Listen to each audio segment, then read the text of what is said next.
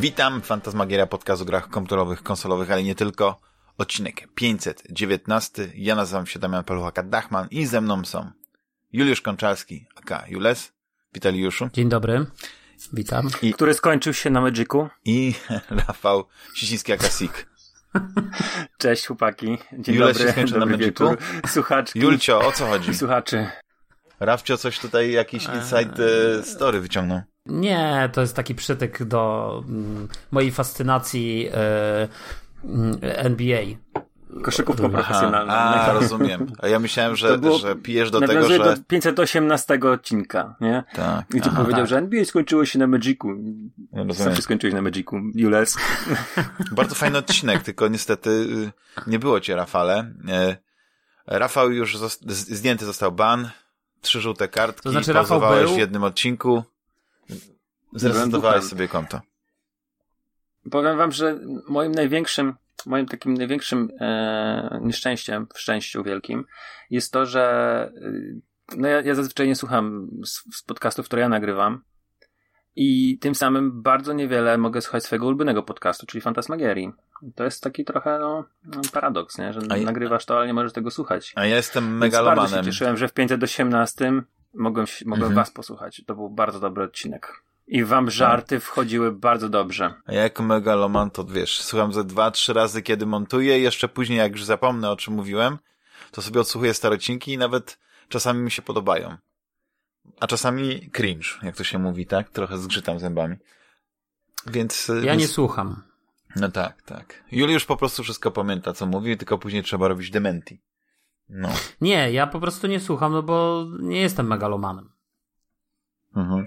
Panowie, jak bo ty. zrobiłem notatki, mam mnóstwo notatek i właśnie zastanawiam się, czego moglibyśmy... To jedźmy może według rozmawiać. tej listy, którą nam przesłałeś e, przed nagraniem. Dobrze, no to kącik kulturalny zostawimy sobie Picie na koniec. i siku mam tylko w tej liście. Aha, okej, dobra. A, to a co jest. chciałeś odhaczyć? nie jest ta lista. Na liście? Nie, bo ja mówię tutaj, dostałem tylko jedną listę. Piciu i siku, więc... A to nie, e, tak to żeby- napisałeś Do mnie. To, to żeby Juliusz, wiesz, załatwił wszystkie te rzeczy, bo ostatnio właśnie jak nagrywaliśmy, ale tego nie było słychać, bo to był fantastyczny montaż. My tam mieliśmy przerwy techniczne, zawieszone komputery, e, waliło się wszystko drzwiami, oknami. Juliusz, cztery razy to toalety. Ale to nie o tym chciałem rozmawiać. No ale tak naprawdę to tobie się komputer ciągle wysypywał, no. Tak. A ty korzystałeś z I tego, to tak? był... A ja z tego brutalnie skorzystałem. Mhm. Albo nie brutalnie, po prostu skorzystałem. Tak, tak. Ale wiecie co, to może zaczniemy od tego, czy mieliście okazję zobaczyć e, tę słynną trylogię GTA. Na własnej skórze przekonać się, jak, jaki to skok na kasę się okazał, jak słaba jest to. Ale nie mów, Wersja. ale ale nie mów, że ty to, nie mów, że ty to kupiłeś na Switcha. Nie, nie, nie, nie, nie.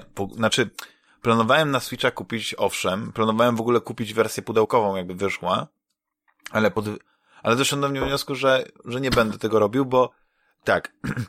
I tu jest też mój, mój żal do, do Sony, że mam wersję na PlayStation 2, którą kupiłem y, jeszcze za czasów PlayStation 3, która tylko działa na PlayStation 3, ale to jest ta wersja, o ile się nie mylę, kompletna. Ona zawiera i muzykę, i, i, i wszystkie elementy, które już teraz powiedzmy zostałyby wycięte, no wiadomo. Jeśli chodzi o San Andreas, no to San Andreas mam w wersji e, PC, w fajnym takim wydaniu z książeczką, z, z, z mapą, z plakatem, z jakimiś innymi dodatkami. Super sprawa. I na PC mogę sobie oczywiście jeszcze zainstalować mody. Ta gra potrafi fenomenalnie nawet teraz wyglądać. A wersję GTA 3 mam na e, oryginalnego Xboxa gdzieś na płycie, więc jakby jestem załatwiony. I tak, ale mówię, chętnie bym wrócił do tego świata, do, szczególnie do Vice City, bo wiemy, że to jest ta nasza ulubiona część. Chyba się wszyscy tutaj zgadzamy, że to była taka najsympatyczniejsza, najlepiej wspominana część y, GTA. Ale z tego, co widzę, to po prostu, y, znaczy, nie wiem, a te filmy, czy jakieś takie różne rzeczy, które były związane z, tym, z tą trylogią, z tym, z tym Definitive Edition, zarzutami, to były związane z, y, akurat z częścią albo trzecią, którą widziałem, albo z tą San Andreas. I to chodziło o to, że to jest jakby port nie właściwie oryginalnej gry, albo nowa gra zrobiona od nowa, tylko to jest port portu, Portu. na e, e, Mobilnego. mobilne, tak, telefony na i tak dalej. I to wygląda fatalnie. Na przykład jest, znaczy, po, pomijając to, że niektóre postacie wyglądają inaczej, że tam są jakieś takie błędy, że, że jakieś, e, nie wiem, dodano poligony na przykład do śrubki, tak? I zrobili ze śrubki, która powinna mieć, nie wiem, e, jest, e, sześciokątna, tak, czy tam ileś, no to teraz jest okrągła. No Mhm. bo, bo tak im wyszło, nie? Nie pomyśleli w ogóle zupełnie. No ale to są takie rzeczy, które, no nie wiem, no mnie to trochę zabolało, że, e, że Chyba Rockstar każda, znany z tego... Mhm.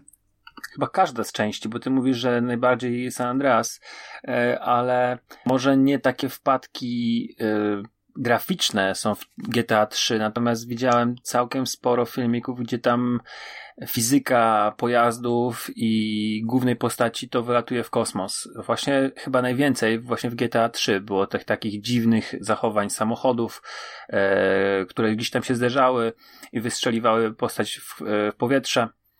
Ale Mhm. Przepraszam, że przerwałem, kontynuuj. Nie, nie, bo ja, nawet nie, chci nie chciałem tak za bardzo się rozwodzić, bo to jest taki temat, o którym możemy wspomnieć w kontekście tego, że Rockstar e, podpisało się pod tym właściwie. Bo to jest gra, to jest ich gra. Te fenomenalne tytuły zostały przedstawione w taki sposób, że cała ta ich spuścizna, rozumiecie o co mi chodzi, cała ta, to legacy, jak się ładnie mówi z angielskiego, no legło w gruzach, bo ludzie nie, znaczy są tacy, takie osoby jak my, które pamiętają fenomenalne stacje radiowe, fenomenalną muzykę, ale tak, dużo kawałków e, ze względów licencyjnych zostało wyciętych, wiele rzeczy związanych z grafiką zostało wyciętych, dlatego że nie chce, no, mamy inną wrażliwość obecnie niż ta wrażliwość była Yy, powiedzmy, to 20 lat temu. Oczywiście nie zmieniono języka, tak? Nie zrobili tak jak z, z chatą wuja Toma, że tam powiedzmy pewne słowa zastąpiono innymi e, w tych nowych edycjach.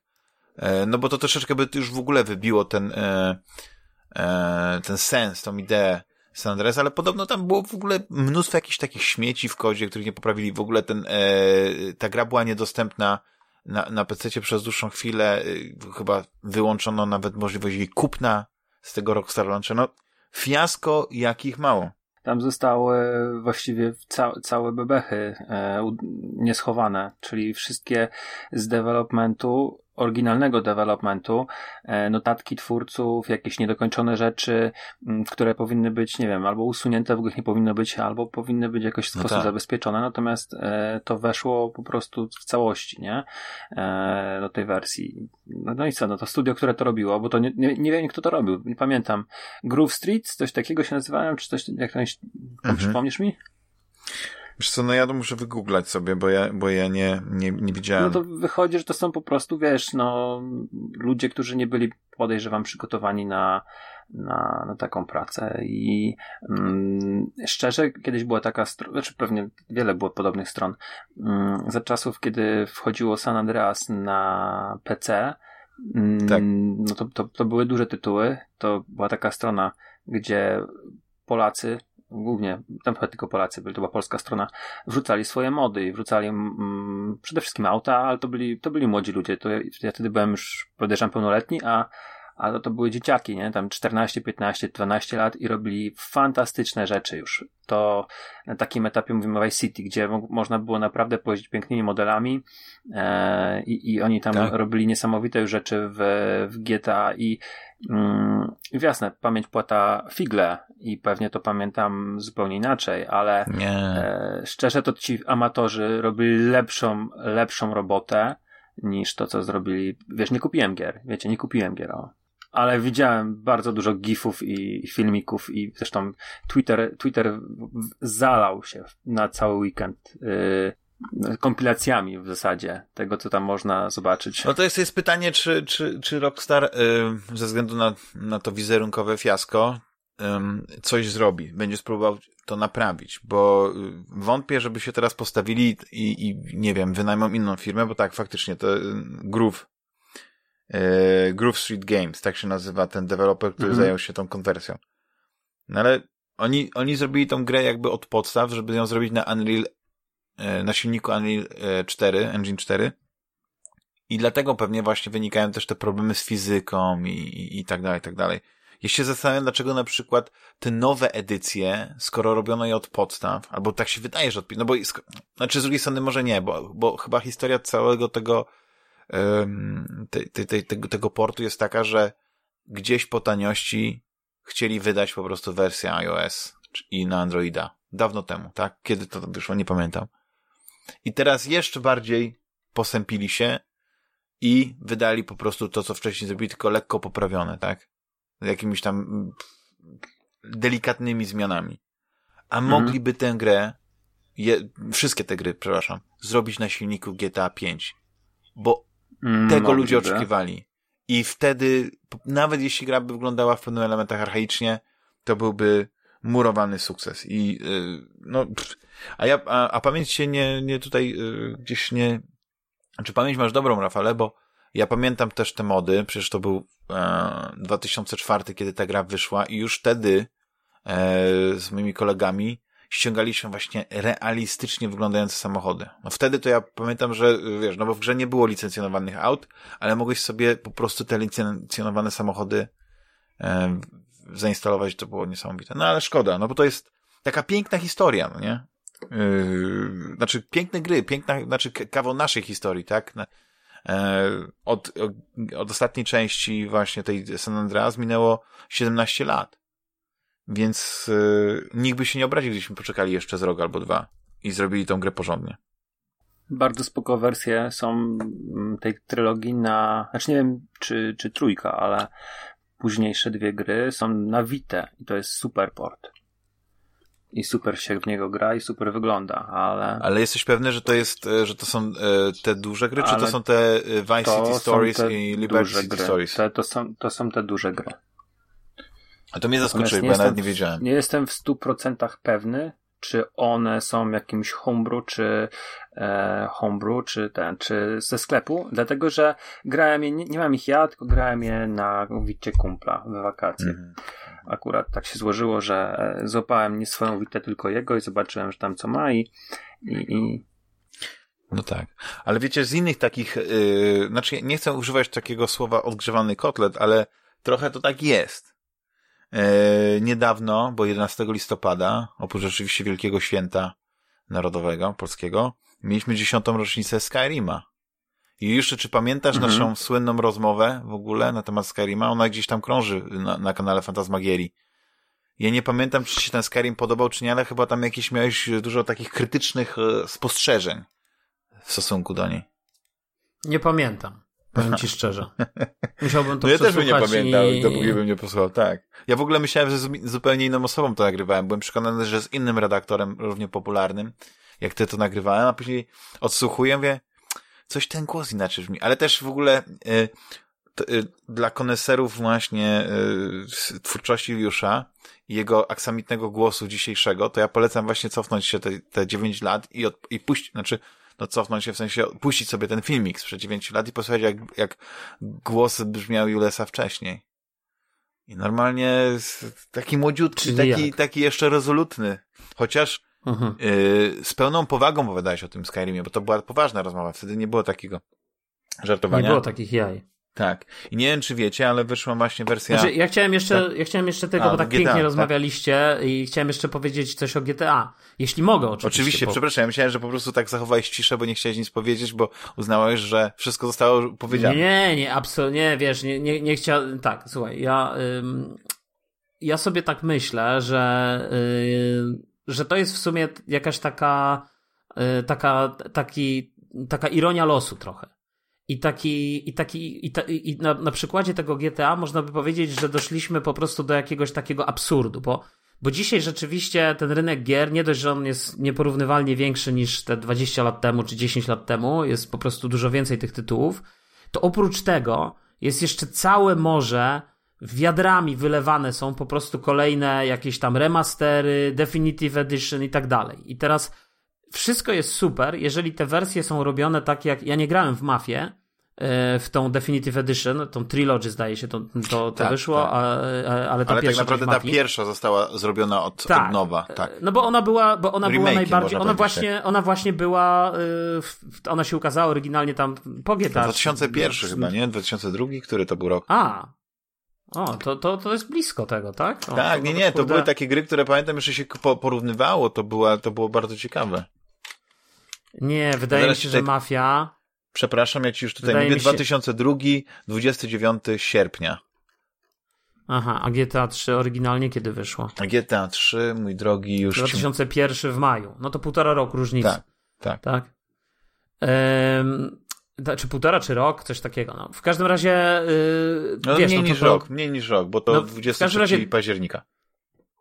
w każdym razie wiesz, taki, e, takie podejście jak właśnie w Mafii, czyli przeniesienie starej gry na zupełnie nowy silnik, wiesz, odświeżenie tego w taki znaczący, to jest naprawdę rzetelnie zrobiony, rzetelnie zrobiony remaster. To jest taki remaster, że, że chcesz w to zagrać. To nie jest remaster, tak, że, no, to jest że... ten remake tak, tak zwany, to nie, czyli... Tak, tak, to nie jest remaster, oczywiście, tak. To jest, to jest bardziej remake, tak? To jest jakby, jakby dokładnie. E, Natomiast tu od początku chyba było wiadomo, że to, jak tylko zostało ogłoszone, że to powstaje, to już było wiadomo, że jak to będzie wyglądać. Tam jakieś screeny krążyły i tam nie, nie, nie było żadnych takich, wiesz, e, tych rzeczy. Natomiast, więc to jest jedna rzecz. Druga rzecz jest taka, mhm. że yy, nie wiem, no kurde, no Rockstar, kurczę, no to taka trochę masakra, powiem szczerze. No. Ja, ja oglądałem ym, a propos GTA 3 materiał na ym, Digital Foundry. Taki duży jest materiał, na razie chyba tylko jeden się ukazał, mhm. y, ale wydaje mi się, że będą analizować wszystkie części. No widziałem nawet częściowo, właśnie... tak, częściowo widziałem. Tak, Tam ja się skupili bardzo ja na technicznej też... stronie, tak, faktycznie.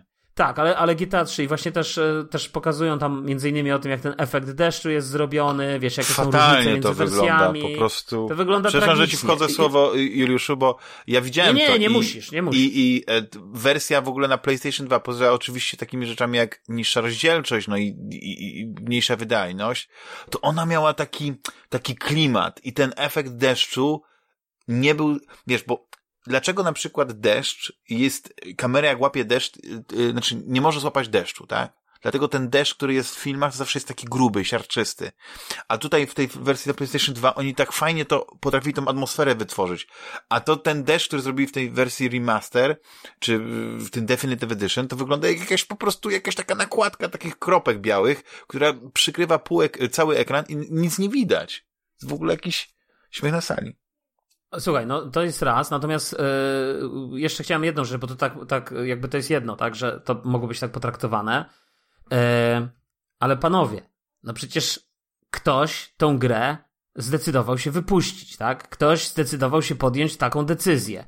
I nie wie, bo to jest, słuchajcie, w ciągu roku, to jest drugi taki przypadek, to jest taki sam przypadek jak w przypadku, yy, przypadek w przypadku Cyberpunka, że po prostu Przecież ci ludzie, no chcecie mi powiedzieć, że co, że Rockstar, który y, zlecił im zrobienie tego portu, y, no zróbcie ten port i tak dalej. O Boże, co to jest? My tego nie zamawialiśmy, nie? Jak, jak odpalili pudełka, jak, jak już to trafiło do produkcji. No przecież Rockstar to wiedział, no wszyscy to wiedzieli, jak to będzie wyglądać.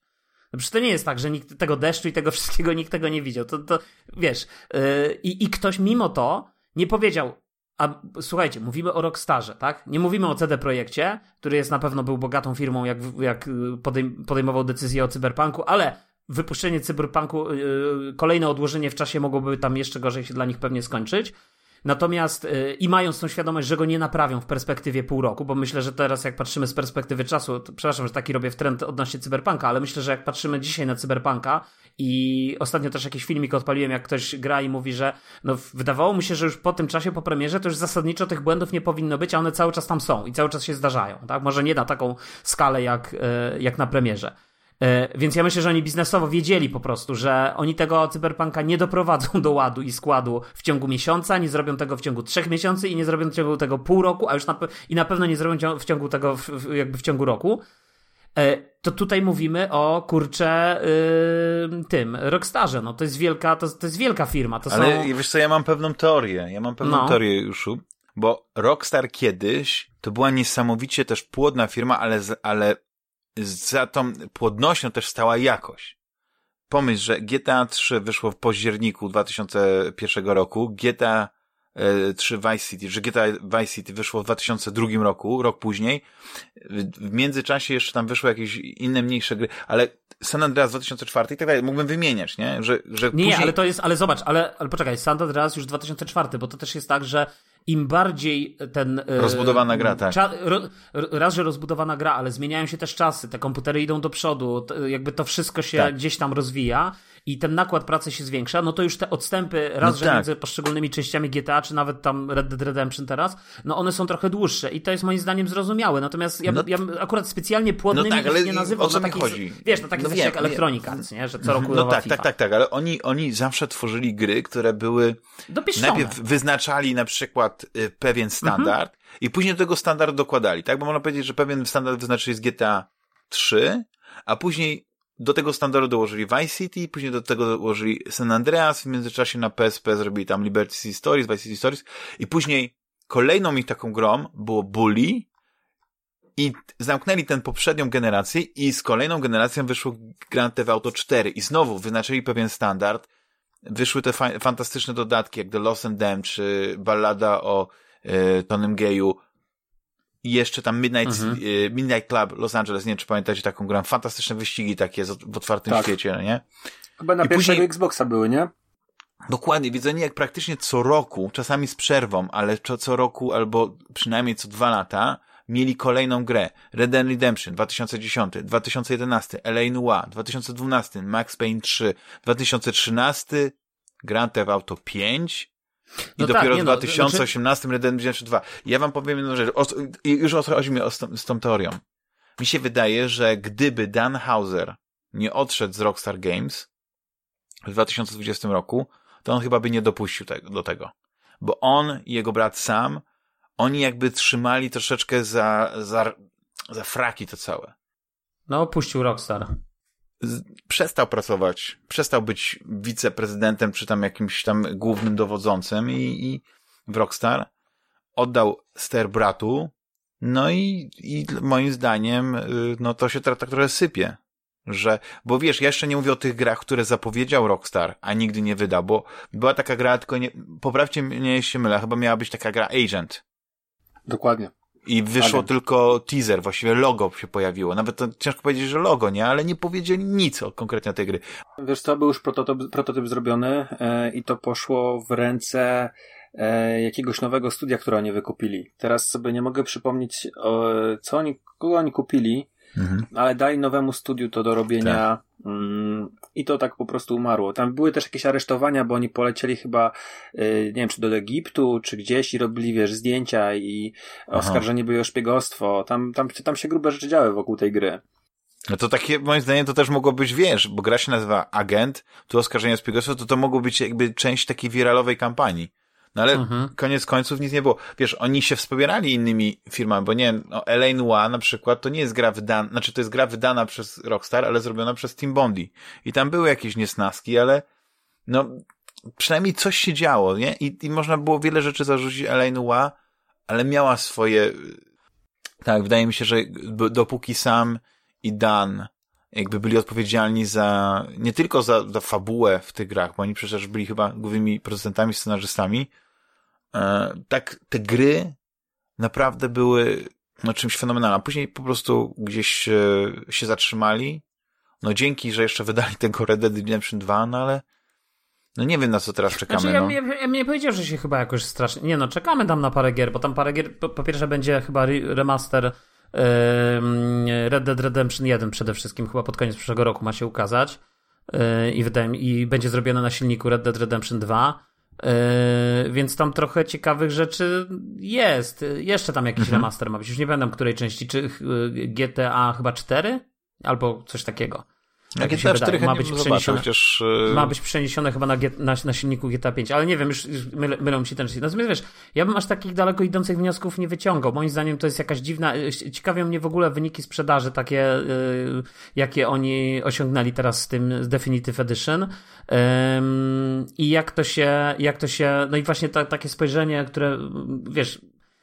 Czy to nie jest właśnie pokłosie trochę tej, tej decyzji e, CD Projektu z tym, bo, bo my tu nie, wiesz, my tu nie mówimy, bo często się wstawia takie gry, te, te, te wszystkie porażki, e, to się tam przywołuje od razu tą, tą słynną grę, e, która najpierw się ukazała, zdaje się, na PlayStation, tą, o co się lata po tych planetach wyleciała mi nazwa z głowy, teraz może będziecie No Man's. Sky. No. Man's Sky.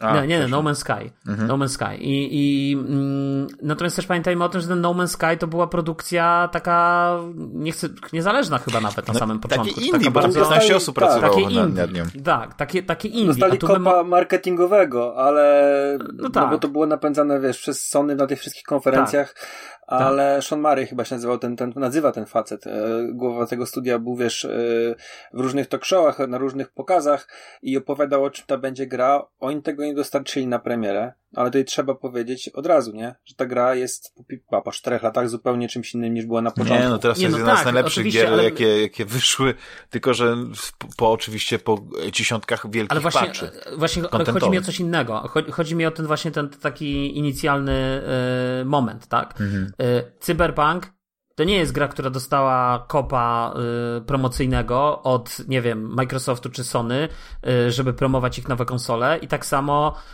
tak samo z GTA. Tylko to są wielkie gry uznanych studiów, które już coś osiągnęły i wiele pokazały. I też myślę, że o ironio, tak jak przy okazji Cyberpunka y, CD Projekt odmieniał przez wszystkie przypadki Rockstar i to, że y, chcemy tak jak Rockstar, zrobimy to lepiej niż Rockstar i tak dalej, w cudzysłowie, bo to być może tego wprost nie powiedzieli, ale wiele razy się powoływali chyba w różnych wywiadach na, na, na, te, na tą niesamowitość powiedzmy tego świata e, generowanego przez, przez gry Rockstar.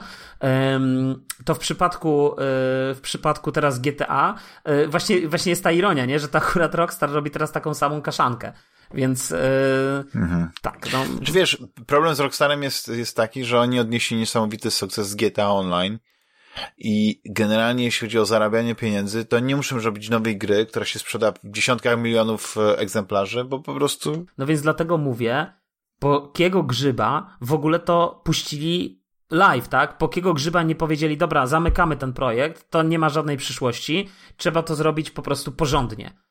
I tyle. Mi się wydaje, że to może oni doszli do wniosku, że to jakiś ostatni gwizdek, ale z drugiej strony, no to jest, to wyszło nie, no, na, na, nowe no, konsole, no, na, na PlayStation 5, na Na wszystko Series to wyszło, X. na co się da. Tak. Na Switcha tak samo. No. no. nie wiem, ale powiem wam tak, bo mm, y, no to jest ciekawy temat i ja jestem ja będę bardzo y, zadowolony, jeśli się okaże, znaczy nie zadowolony, jak to, żeby to powiedzieć, że ucieszę się, jeśli okaże się, że na przykład za kilka miesięcy te wszystkie rzeczy, do które, które ludzie zarzucają im, oni naprawią, a jeszcze bardziej bym się ucieszył, jakby się okazało, że nie, udało się odzyskać licencję na pewne rzeczy, chociaż szczerze mówiąc to, czego oczy nie widzą, tego serce nie żal. Ja na przykład nie wiem, jaką muzykę tam musieli wyciąć, wyciąć czego brakuje.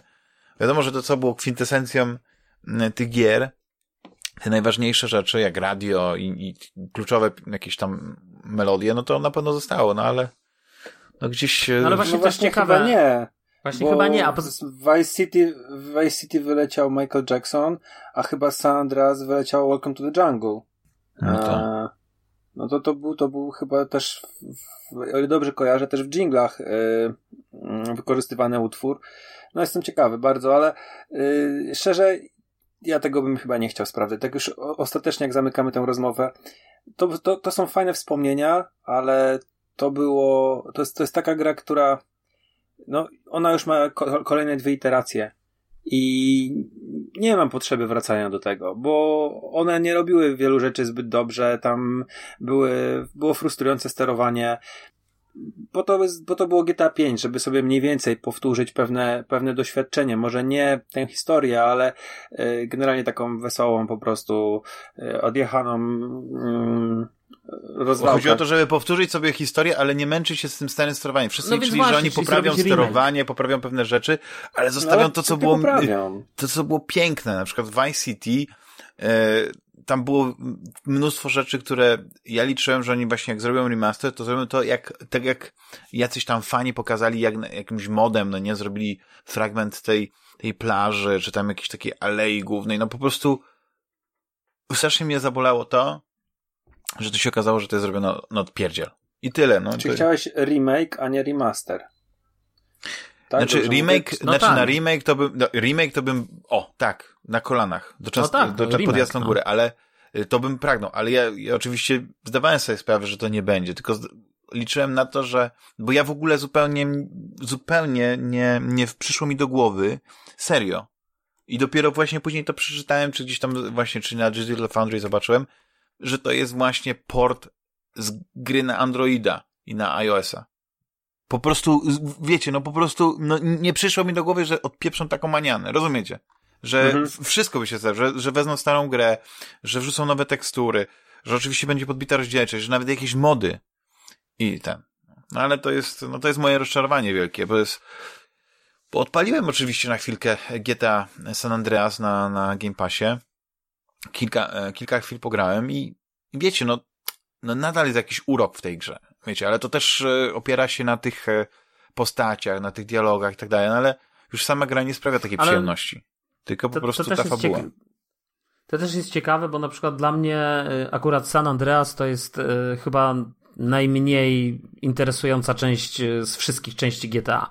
Mhm. Także czy ona była w ogóle ja nigdy... najbardziej rozbudowana i ona chyba jest najbardziej rozbudowaną pod względem mechaniki, jakiejś tam, wiesz, pamiętam, że tam mogłeś na przykład y, przypakować, no fryzjera, mogłeś przytyć, mogłeś do fryzjera i tak, dalej, tak, dalej. Tak. No, mnóstwo takich rzeczy, których w późniejszych częściach nie było. Nie no, już to jest w Red Dead Redemption 2, no. No może nie przytyjesz, ale możesz iść do fryzjera i tak dalej. No tak, tak, tak. No, ja bym chciał, żeby na przykład lustra wróciły do gier, no ale to już jest takie też pobożne życzenie. Yy, panowie, bo ale chciałem wam powiedzieć o właśnie o innym, o innym przykładzie remastera, bo wiecie, no, wracając do tego. Skyrim. Skyrim. Dziesiąta rocznica. I wyszła teraz Anniversary Edition.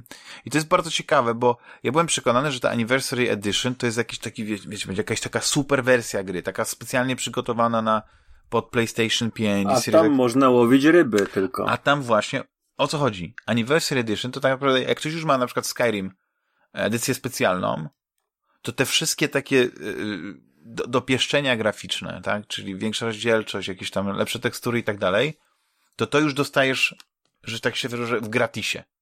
Tu już nic nie musisz y, robić, po prostu jak masz wersję specjalną, ale ta edycja Anniversary, ona ci dodaje właśnie dostępność do tego klubu, oni chyba nazywają Creation Club albo Klub Twórczości, nie pamiętam dokładnie, jak to się nazywa, gdzie macie wszystkie te takie rzeczy, które tworzą ludzie. I można, część, część możesz sobie kupić, ale oczywiście jak kupujesz tą wersję Anniversary, to dużo tych rzeczy dostajesz za darmo, między innymi właśnie to łowienie ryb, o którym e, wspomniał Rafcio i też są mody.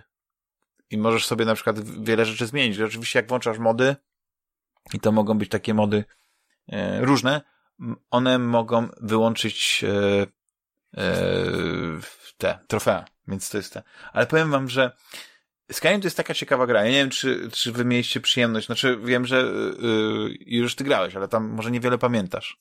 Ale jak wspominacie w ogóle Skyrim? Ja nie wspominam Skyrima za dobrze. Bo wiem, że ty byłeś wielkim fanem Obliviona. Ja pamiętam, że twoim takim yy, największą, najbardziej ulubioną grą, najulubieńszą to był właśnie Oblivion. Ale już Skyrim no, chyba trochę mniej, tak? Z tych Elder Scrollów na pewno.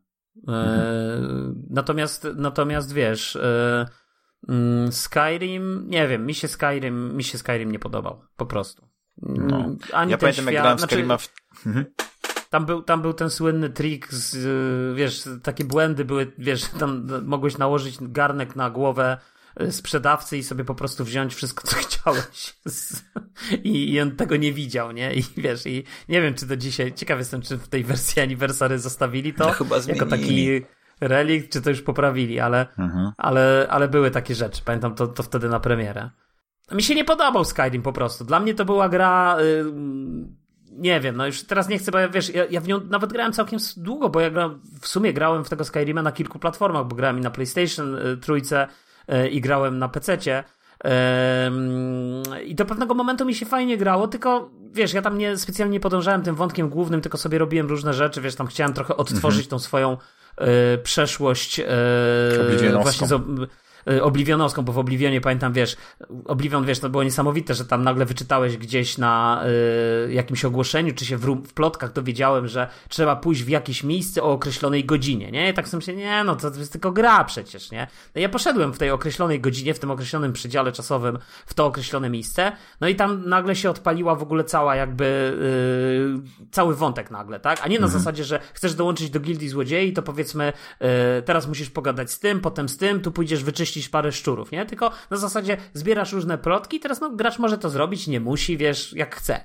Eee, I to było super, to, to mi się tak. strasznie podobało. I, ale jakoś czegoś mi brakowało, pamiętam, w tym Oblivionie, e, w tym Skyrimie finalnie, mhm. pamiętam, że, że jakby nie. No może miałeś pewnie wyższe oczekiwania, że wiesz, kolejna, kolejna gra, kolejna część, to, to powinna być więcej. Hmm. Rafale, ty masz jakieś wspomnienia z Skyrimem? No ja w tą grę też sporo grałem i to tak myślę, że e, z 200 godzin w nią utopiłem w dwóch, dwa razy. Raz... A, to mamy tutaj jakimś e, z profesjonalistą tutaj rozmawiamy. Nie, nie, nie, nie przesadzaj. 200 Jeszcze godzin. raz zaraz po, po premierze, jakoś tak zima 2011-2012. Mm, I drugi raz ze trzy lata temu miałem taki moment, że yy, kupowałem tę grę na PlayStation 3 i, nie kupowałem już jej na PlayStation 4.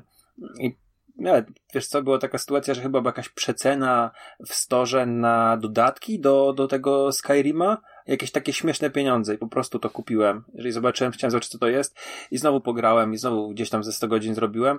I ja bardzo robiłem podobnie jak e, Jules, czyli jasne, gdzieś tam trochę ten główny wątek popchnąłem i do pewnego momentu doszedłem. Tak samo w tym wątku wojny domowej, ale tak naprawdę to ja się bawiłem w takie po prostu chodzenie i, yy, i odwiedzanie jakichś, wiesz, krypt, jaskiń, starych yy, mhm. zamczysk i po prostu gdzieś tak. tam sobie szukałem listów, czytałem ten cały lore, bawiłem się, bo w ogóle to jest Elder Scroll ma niesamowite, e, niesamowitą historię świata, ona jest rewelacyjnie napisana, to jest taka historia świata, która zakłada, że tam się nic nie może wykluczać, bardzo mi się podobają te wszystkie dziwne rasy.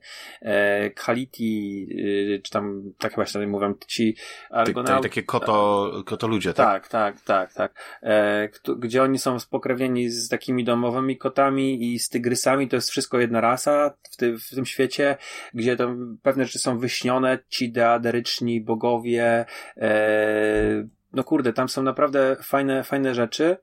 Yy, I bardzo podobały mi się te questy właśnie z tymi dziwnymi bogami, że wiesz, gdzieś tam musisz, mm, dostajesz historię, że jest jakiś nawiedzony dom i wchodzisz do tego domu i tam się rzeczy poruszały.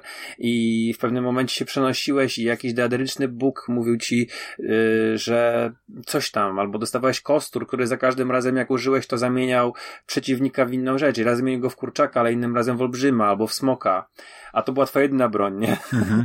I, I, tam, tam się takie rzeczy działy i to było, mm, wiesz, mimo że PS3 nie było modów, to jednak jak gdzieś tam po prostu oglądając sobie to, co twórcy zrobili z otoczeniem, to jak chcieli opowiedzieć historię przez przedmioty, które poukładali, pozostawiali, przez jakieś notatki, to ja wielką frajdę yy, z tego czerpałem. I to była taka gra też właśnie, gdzieś tam sobie muzykę wyciszałem, puszczałem mhm. podcasty i po prostu zwiedzałem sobie tam prowincję. E... A co ciekawe, muzyka w Skyrimie jest piękna, taka, taka monumentalna piękna, i ja w ogóle ale... byłem w szoku, jak, jak ta muzyka jednocześnie wydaje się zbyt wyniosła do tego, żeby tak sobie podróżować po krainie i jej słuchać, jednocześnie pasuje do tej gry.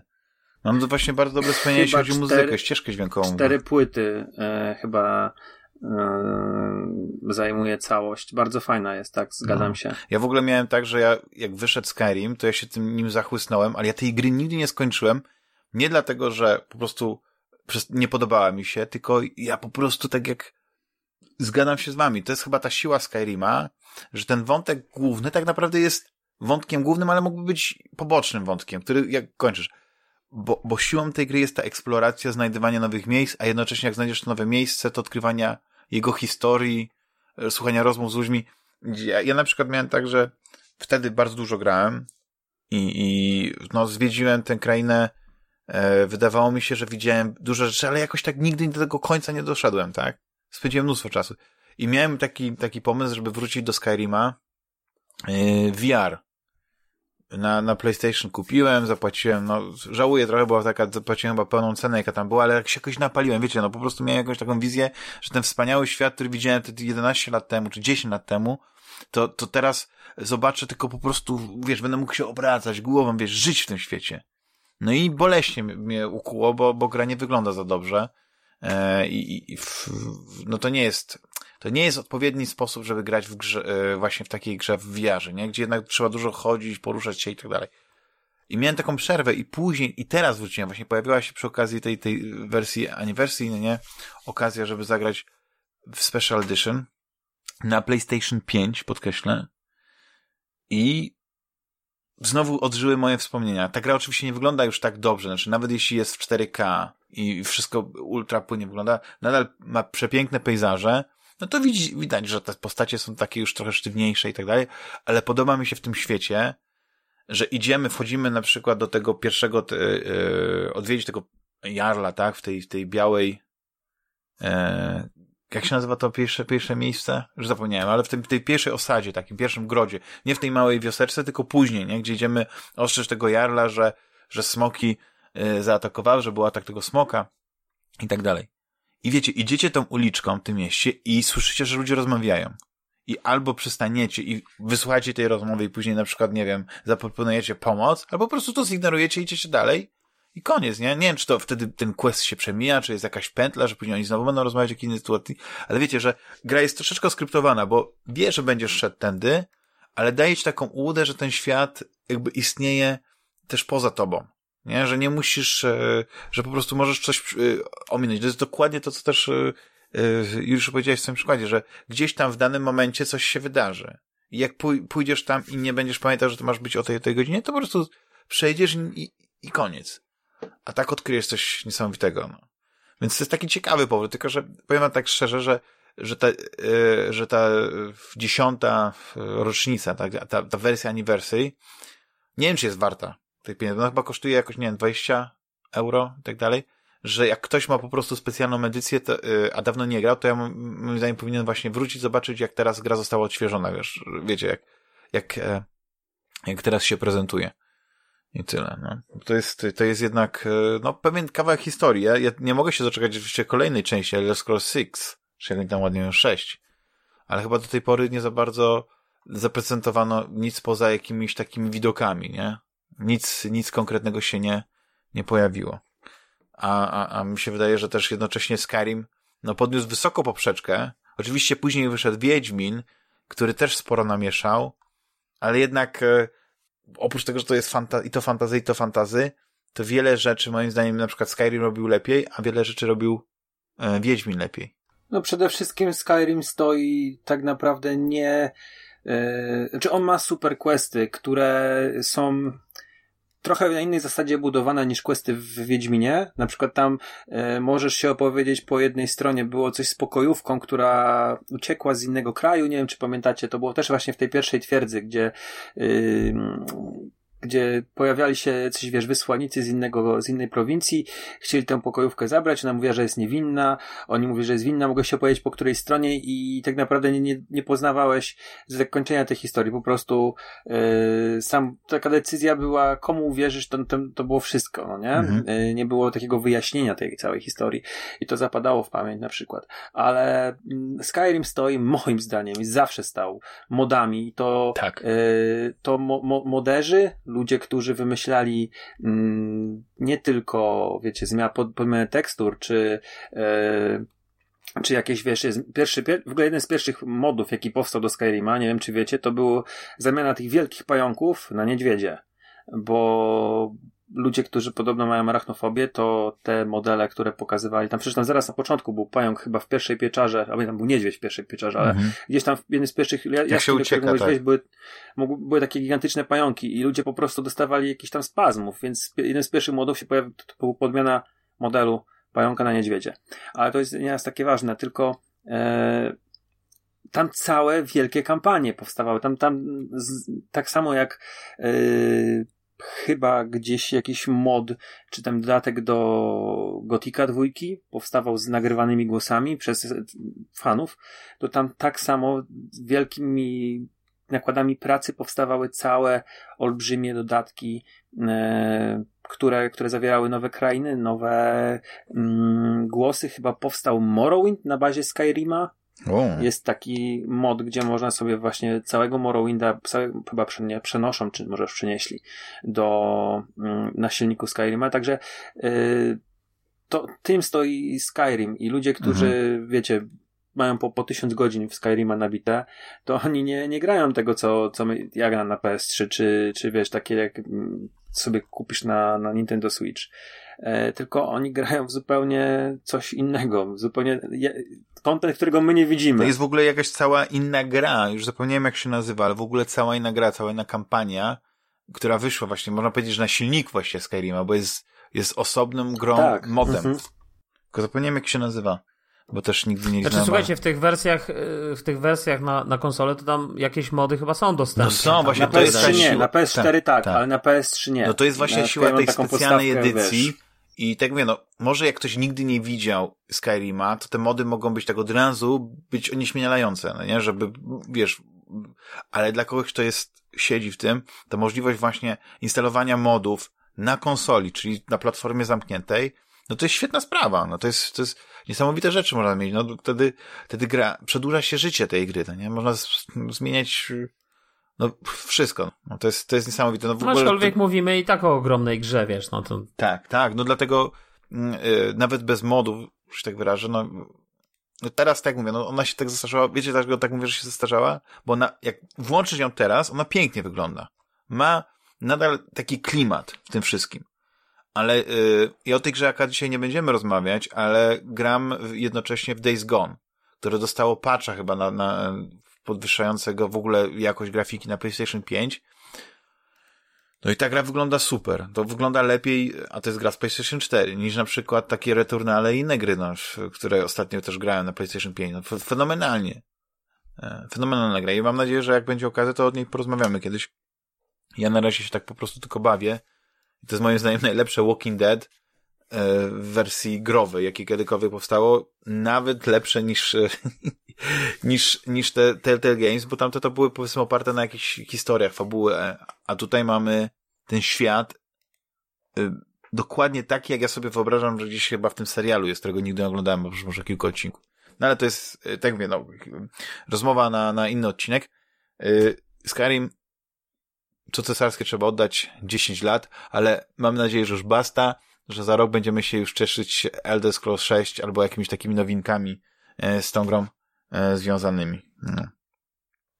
Yy, Dalej sięgam do moich notatek. Panowie, yy, skoro rozmawiałem w co ostatnio graliśmy, to yy, Rafcio, okazało się, że jesteś je, jednym wielkim fanem Forza Horizon 5. Nikt cię nie Z posądzał. waszej, znaczy z naszej trójki to rzeczywiście tak wyszło, że e, Znaczy ja troszeczkę wczoraj pograłem, wiesz, zrobiłem chyba kilka ekspedycji i ja nie pamiętam, żeby te ekspedycje były w poprzednich częściach. To jest też chyba taka wielka nowość tej, tej części, czyli e, jakieś takie wycieczki, na których musimy zrobić jakieś, jakieś zadania, tak? Czyli, nie wiem, zrobić Mhm. jakieś zdjęcia, y, czy e, rozwalić jakieś gejzery wokół czynnego wulkanu.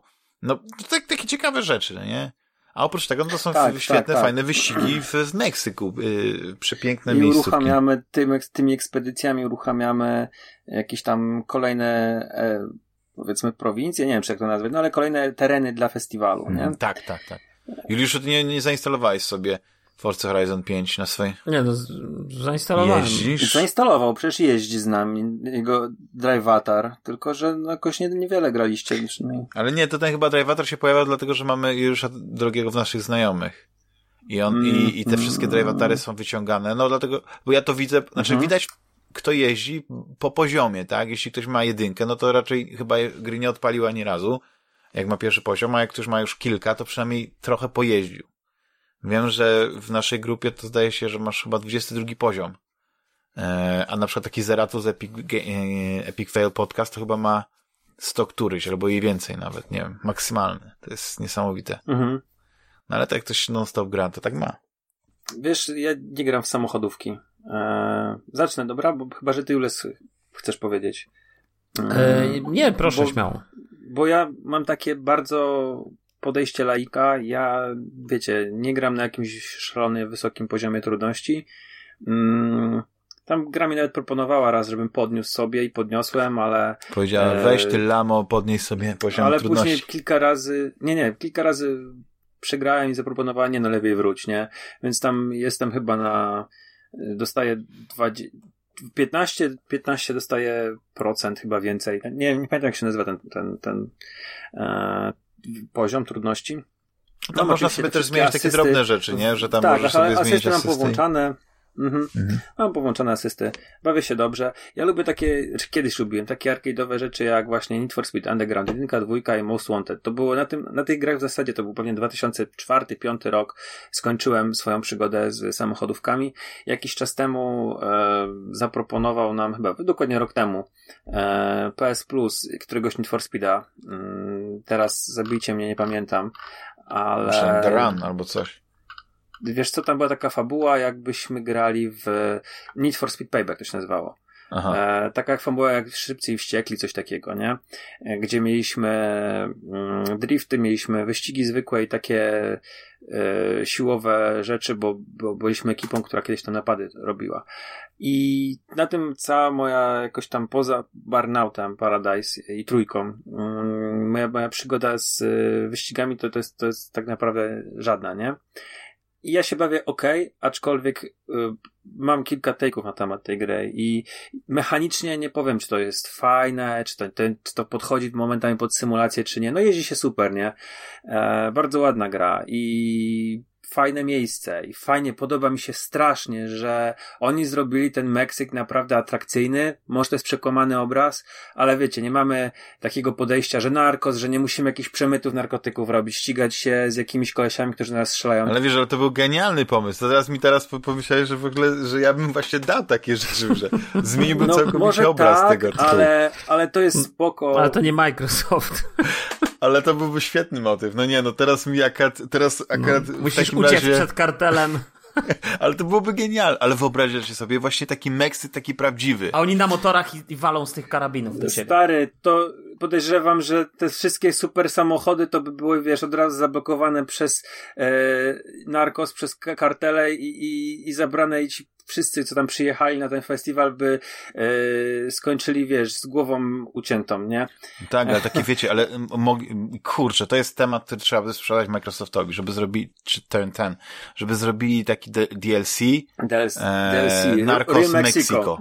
I właśnie taki, że gdzieś się ścigasz, tak jak mówisz, no nie, że, że gdzieś jakieś e, potyczki są, musisz między kulami jakimiś karabinów maszynowych spieprzać, no to byłoby ciekawe. Natomiast, e, wiesz, i fajne są z auta. Naprawdę bardzo mi się podoba to, co się dzieje. Natomiast, e, co mi się nie podoba, znaczy, żeby była jasność, usiadłem w sobotę, ta, ta gra się ściągnęła, e, chyba w piątek była premiera, albo w czwartek.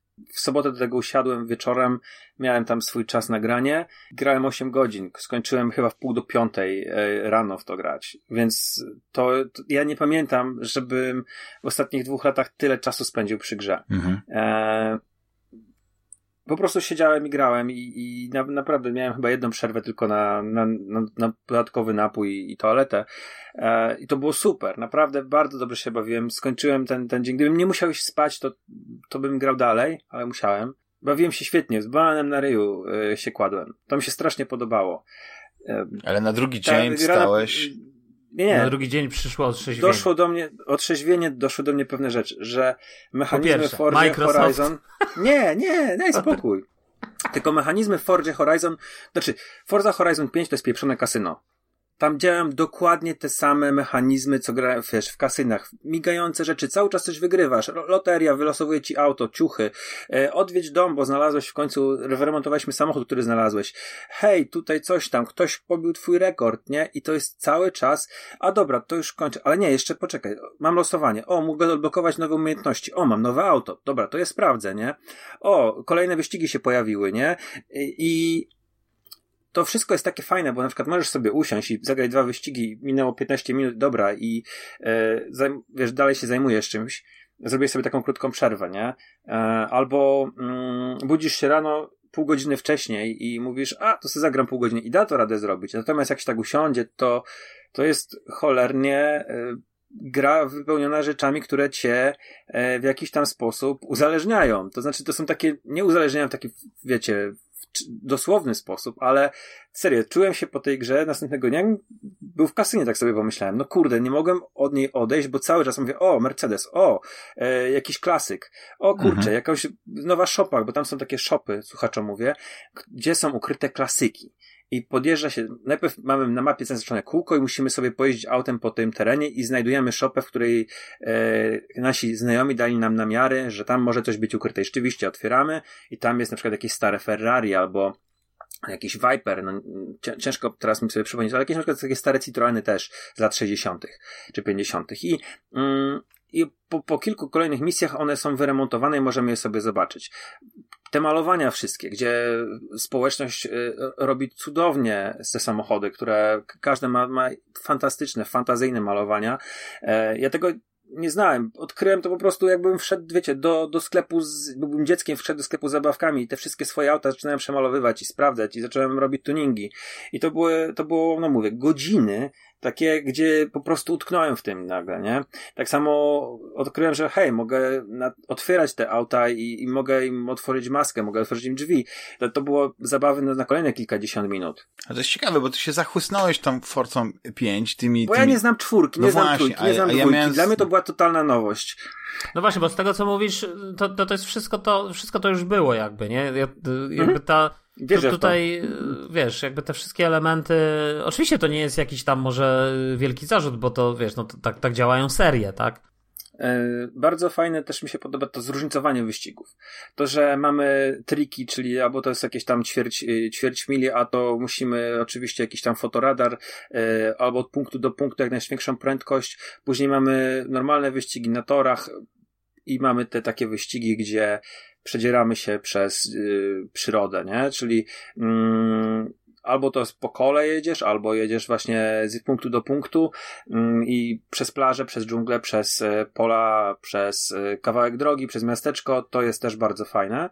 E, I to to zróżnicowanie, nie? Że kończysz wyścig, bo robiłeś, wiesz, jakiś tor, kończysz ten wyścig i masz dosłownie 30 sekund dalej e, fotoradar, więc go przejeżdżasz, nabijasz tam kolejną gwiazdkę, kolejny punkt e, i nagle masz, o, tutaj taki wyścig, to jadę ten. I tak po prostu możesz sobie całą mapę przejechać wzdłuż, później wszerz, później znowu jakoś sobie odbić i, i ci się nie nudzi, nie masz ciągle, wiesz, nie musisz jechać przez mm, nie wiem, używać szybkiej podróży, czy musisz jechać tam 5 minut z punktu do punktu to, to było dla mnie też bardzo atrakcyjne i to jest właśnie też, to jest ten taki mm, e, element kasyna, nie, że y, w drodze do, do baru masz e, ruletkę, masz 10 automatów, masz e, bufet, podchodzisz do baru, ale tam już zaczynasz grać w kości i to jest mniej więcej to samo z mhm. E, z, z tym, tym, tym Meksykiem. Poza tym ta radosna atmosfera e, powoduje, że wiesz, tak, tak, ta, taka adrenalina się growa wytwarza, że wiesz, wjeżdżasz w jakieś balony, mm, jakieś fajerwerki, to jest super, takie, taka bardzo fajna atmosfera. Odkryłeś sobie dziecko, które uwielbia wyścigi te wszystkie kolorowe nie, znaczniki e, reagują. Dokładnie. O, rozwaliłeś cztery drzewa, dostajesz achievement. Wow, zmieniłeś krajobraz. Tysiąc punktów. Z, y, przejechałeś prostą ulicą, dostajesz punkty. Co chwila, dokładnie. pierdnąłeś, dostajesz dobrze. punkty. Dost, właśnie, dokładnie to co powiedziałeś. Jedziesz źle, dostajesz punkty. O, demolka. O, ściąłeś Super. billboard, nie? E, palisz gumę, wchodzisz źle w zakręt, dostajesz punkty. Wow. Nagrody za participation. Po prostu, to jest właśnie to. I to mi się nie do końca podoba, że za wszystko dostajesz punkty, że Nieważne jak jedziesz, nieważne jak jesteś lamą, ofermą, dostaniesz punkty, level ci się wbije, bo, tak, bo wpadłeś w krzaki. Ale wiesz, no to, to jest taka przeciwwaga do tych wyścigów, gdzie wszystko musi być y, tip-top. Jak chcesz grę, która jest wymagająca, to masz Pro, Project Cars 3, masz Assetto Corsa, masz masz, e, no nie chcę powiedzieć nawet, że Forza Motorsport, bo tam możesz sobie tak ustawić, że ta gra jest taka dosyć prosta. Ale w tych grach, które wymieniłeś, też możesz sobie ustawić poziom trudności. Znaczy ja, ja nie wiem, bo w Assetto Corsie nawet wydawało mi się, że mam niski poziom trudności, a też się ciężko gra, bo to jest taki jednak symulator. I kończąc, już ostatnie, ostatnie dwa zdania. I, i to, ten klimat e, tego wszystkiego, to jest bardzo fajna, przyjemna rzecz, ale z kolejnymi e, godzinami, na przykład w niedzielę, zaczęło mnie to uwierać, że tam wszyscy, wiem, że w tych wszystkich wyścigach te fabuły to są najgorsze elementy. I ja pamiętam ten payback, jak zacząłem grać, że tam po prostu też zżytałem zębami. Natomiast mam takie nieodparte wrażenie, że Forza Horizon, tam wszyscy ci twoi znajomi, którzy, z którymi gadasz, oni gadają dokładnie tak, jakby gadają w tych wszystkich reality show na MTV, czy wiecie, w reklamach amerykańskich. Tak nieszczerze, tak z takim z uśmiechem na ustach, tak, e, że wszystko jest super tak. piękne, kolorowe. Wow, jesteś gwiazdą. Też masz to wrażenie? To masz to wrażenie, że to jest jeden wielki reality show, po prostu to jest, ja to zacząłem odbierać tak no, źle. No, znaczy, bo, ale można powiedzieć, że to jest reality show, bo wiesz, bo to do tego tak podchodzisz, ty jesteś tylko że wydawało mi się, że w poprzednich częściach to jakoś tak trochę było inaczej zbalansowane. I też chodziło o ten wyścig i o to, żebyś, ja, ja nie pamiętam jak to, znaczy nawet nie zwracam uwagi jak to jest teraz. Bo ja już się gdzieś tam odbiłem i nie, nie skończyłem y, czwórki. E, najeździłem się, podobało mi się, były piękne miejscówki. Tutaj na przykład gdzieś y, uważam, że ta gra jakby już mnie tak nie, nie zauroczyła, nie zaskoczyła, nie, nie podoba mi się i nie zrobiła na mnie takiego efektu, jak zrobiły poprzednie części. Mhm. I, I, nie wiem, czy tutaj jest też element tego, że musisz być tym najlepszym kierowcą i zdobywasz tą opaskę, aż w końcu będziesz e, się ścigał z tym najlepszym kierowcą i będziesz miał tą najlepszą opaskę.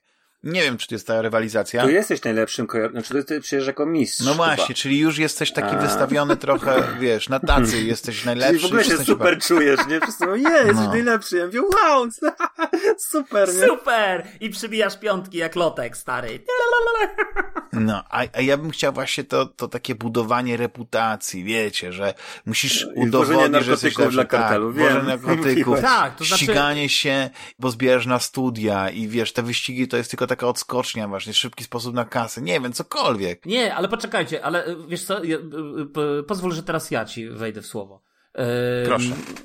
Forza Horizon, jakby ja nie oczekuję tego, co ty w kwestii fabularnej ja takie emocje, o jakich pisze, e, oj, pisze, mówi Rafał, to ja e, odczuwałem e, przy okazji Forcy Horizon 2, bo to była dla mnie pierwsza Forza Horizon w ogóle, w którą zagrałem. I to jest gra, wiesz, ja jestem wielkim, zawsze byłem wielkim fanem Forcy Motorsport. Pierwsza no, na tą Xboxa One. Tak, to była pierwsza na Xboxa One, ale dla, ja mówię, że dla mnie to była pierwsza Forza Horizon, w którą ja zagrałem, tak? No bo mhm. Forza Horizon wcześniej chyba wyszła na, na tego 360. 360 ale też świetna gra, tak? Ja, ja już, tylko ona zdaje się wyszła w tym momencie, kiedy ja się już pozbyłem Xboxa 360, więc nie zagrałem. W każdym razie, jakby tam jakby zawsze był ten lightowy klimat, że to jest jakiś festiwal, że tutaj, tak jak mówisz, ścigamy się tą opaskę. Ta gra oczywiście miała model jazdy przeniesiony z Forza, z Forza Motorsport, ale oczywiście odpowiednio uproszczony i jeszcze, co ważniejsze, bo ja zawsze grałem w Forza Horizon na tych ustawieniach maksymalnych realizm i tak dalej. Natomiast nawet jak się gra na ten maksymalny realizm i tak dalej, no to to jest w dalszym ciągu yy, czuć, że to nie jest Forza Motorsport, tak? Że to nie jest ten sam model jazdy, że, że trochę inaczej te samochody się zachowują i tak dalej, ale to nie jest zarzut, bo to jest jakby, to jest ta odnoga Forcy taka bardziej, yy, powiedziałbym, lightowa, tak? Taka bardziej ścigałkowa. Mhm. Ale jednak w Forcy pamiętam Forcy Horizon 2, e, to był ten taki, wiesz, e, takie poczucie, że przyjechałeś, teraz będziesz rywalizował, jest jakiś sezon, e, cały czas jest ten festiwal, ok, więc jest cały czas ten taki feeling lightowy, ale w dalszym ciągu jakby musisz, jed... dostajesz tych samochodów tam od, od groma i potem możesz je kupować za tą zarobioną kasę, ale jakby czujesz, że jest jakiś progres, nie? A tutaj tak naprawdę to mm, w Forcy Horizon 4, y, ja, ja też dużo spędziłem czasu z Forcą Horizon 4, też mi się bardzo podobała y, i też rozwijała pewne elementy, ale z drugiej strony y, ja się odbiłem w którymś momencie od tej gry, bo ja już nie wiedziałem tak naprawdę, co ja mam robić. E, czy jeździć tu, czy jeździć mhm. tu i tak naprawdę to już miałem takie wrażenie, że to już do niczego nie prowadzi w gruncie rzeczy, nie? Tam chyba jeden sezon, ja już nie pamiętam, czy tam się wygrywało, czy nie, w każdym razie, wiesz, y, to, co mnie odrzuca na pierwszy rzut oka z Horizon 5, to jest te wypadające na samym początku samochody z tych samolotów. Kuźwa, po prostu, ja nie wiem, ta, ta gra chce być Motorstormem, ale zamiast być Motorstormem, to cały czas udaje, że jest Forzą Horizon, tak? Ja bardzo lubię Motorstorma, ja bym chciał zobaczyć kolejną część Motorstorma, tak swoją drogą, ta, ta, takiej ar arkadówki. Wszystkie części, zajebista gra, zajebiście zrobiona I, i szczerze powiedziawszy, ja bym wolał, y, jeżeli, wiesz, Forza też musi podjąć taką decyzję, a tutaj wiesz, to wszystko, okej, okay, rozumiem, taka konwencja, ale to tak jak właśnie Damian powiedziałeś, Damianku, tak jak powiedziałeś, mój drogi kochany Damcio. Y, Ponczuszku, Damciu, y, że, że to jest właśnie to, że jakby to jest takie właśnie sztuczne i ta sztuczność tak się wylewa z tego ekranu, wiesz, i to, i to jest wszystko takie, kurczę, i to, to jest to, co mnie odrzuca. Rzeczywiście ta gra wygląda super, ma, ma, świetną grafikę, cały czas się fajnie jeździ, menusy są takie same jak w Forcy Horizon, nawet te flagi przy, przy torach, nie wiem, czy zwróciliście uwagę, przy tych poszczególnych checkpointach są żywcem wzięte jeden do jednego z czwórki, więc to też jest jakieś takie w sumie dziwne decyzje, bo takie elementy zazwyczaj się jakoś tam odświeża, nie? Nawet w Forcy Motorsport pamiętam, że mimo wszystko jakoś tam to odświeżali, a tutaj tak nie do końca, więc no nie wiem, no. Znaczy, fajna gra, ale myślę, że rozumiem. fajna gra, żeby w nią, wiesz, myślę, że to jest fajna gra, żeby w nią zagrać jako taka pierwsza część, jeśli nie grałeś w Forza Horizon, albo miałeś jakąś dłuższą przerwę od tej serii, to myślę, że tak. Ale jeśli mhm. grasz we wszystkie części, wiesz, potem to wydaje mi się, że ja się bardzo na przykład cieszę, słuchajcie, jeszcze tak, że i zaraz wam oddam głos, Bardzo się cieszę, bo mi Łycha właśnie o tym powiedział. No, że właśnie Łycha mi też dużo rzeczy e, podsunął, e, bo on właśnie gra w tą, w tą Force, właśnie go bardzo pozdrawiam. I on mówi, że mm, właśnie co chciałem powiedzieć, zgubiłem wątek, kurczę.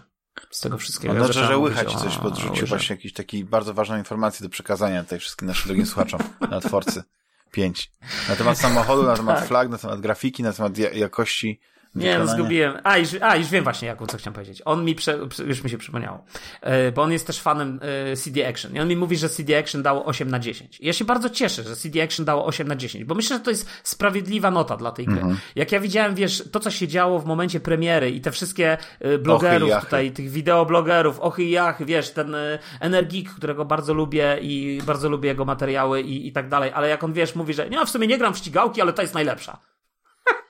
Wiesz, no, no, wie, no ze wszystkich, ale jest przynajmniej szczery, bo ze wszystkich, których grał, ta jest najlepsza. Więc, yy, więc i wiesz, i, i to, to, to taki zmaso i ten taki, wiesz, to co się działo na Digital Foundry, od razu materiały, że to jest absolutny masterpiece, wiesz, a jak zaczniesz oglądać porównania y, z na przykład z Forza Horizon 3 czy czwórką, y, z 3 mówię dlatego, że trzecia część się działa w Australii i tam, y, czy tam w Nowej Zelandii, czy gdzieś w każdym razie. Nie, chyba w I tam.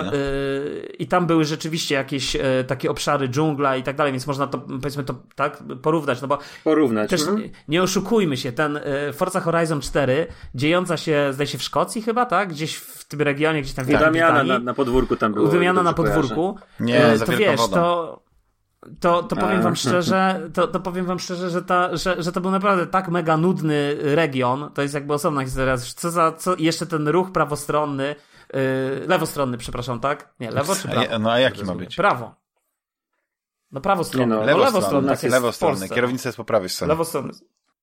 U nas jest prawostronny, kierownicę masz po lewej. Zdziczały Nie no, u nas jak to u nas jest? U nas jest naprawdę prawostronny?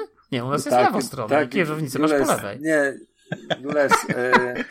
Ale Jules już jest e, jedną nogą w Anglii. Wyprowadza się z tego kraju. Dobra, whatever. Nie, nie dziwię się, że to swoje auto tak rozbiłeś, okej, okay, spoko. E, w każdym, w każdym bądź, w każdym no, bądź razie... Już w garażu jest no. lewostronny no, ruch.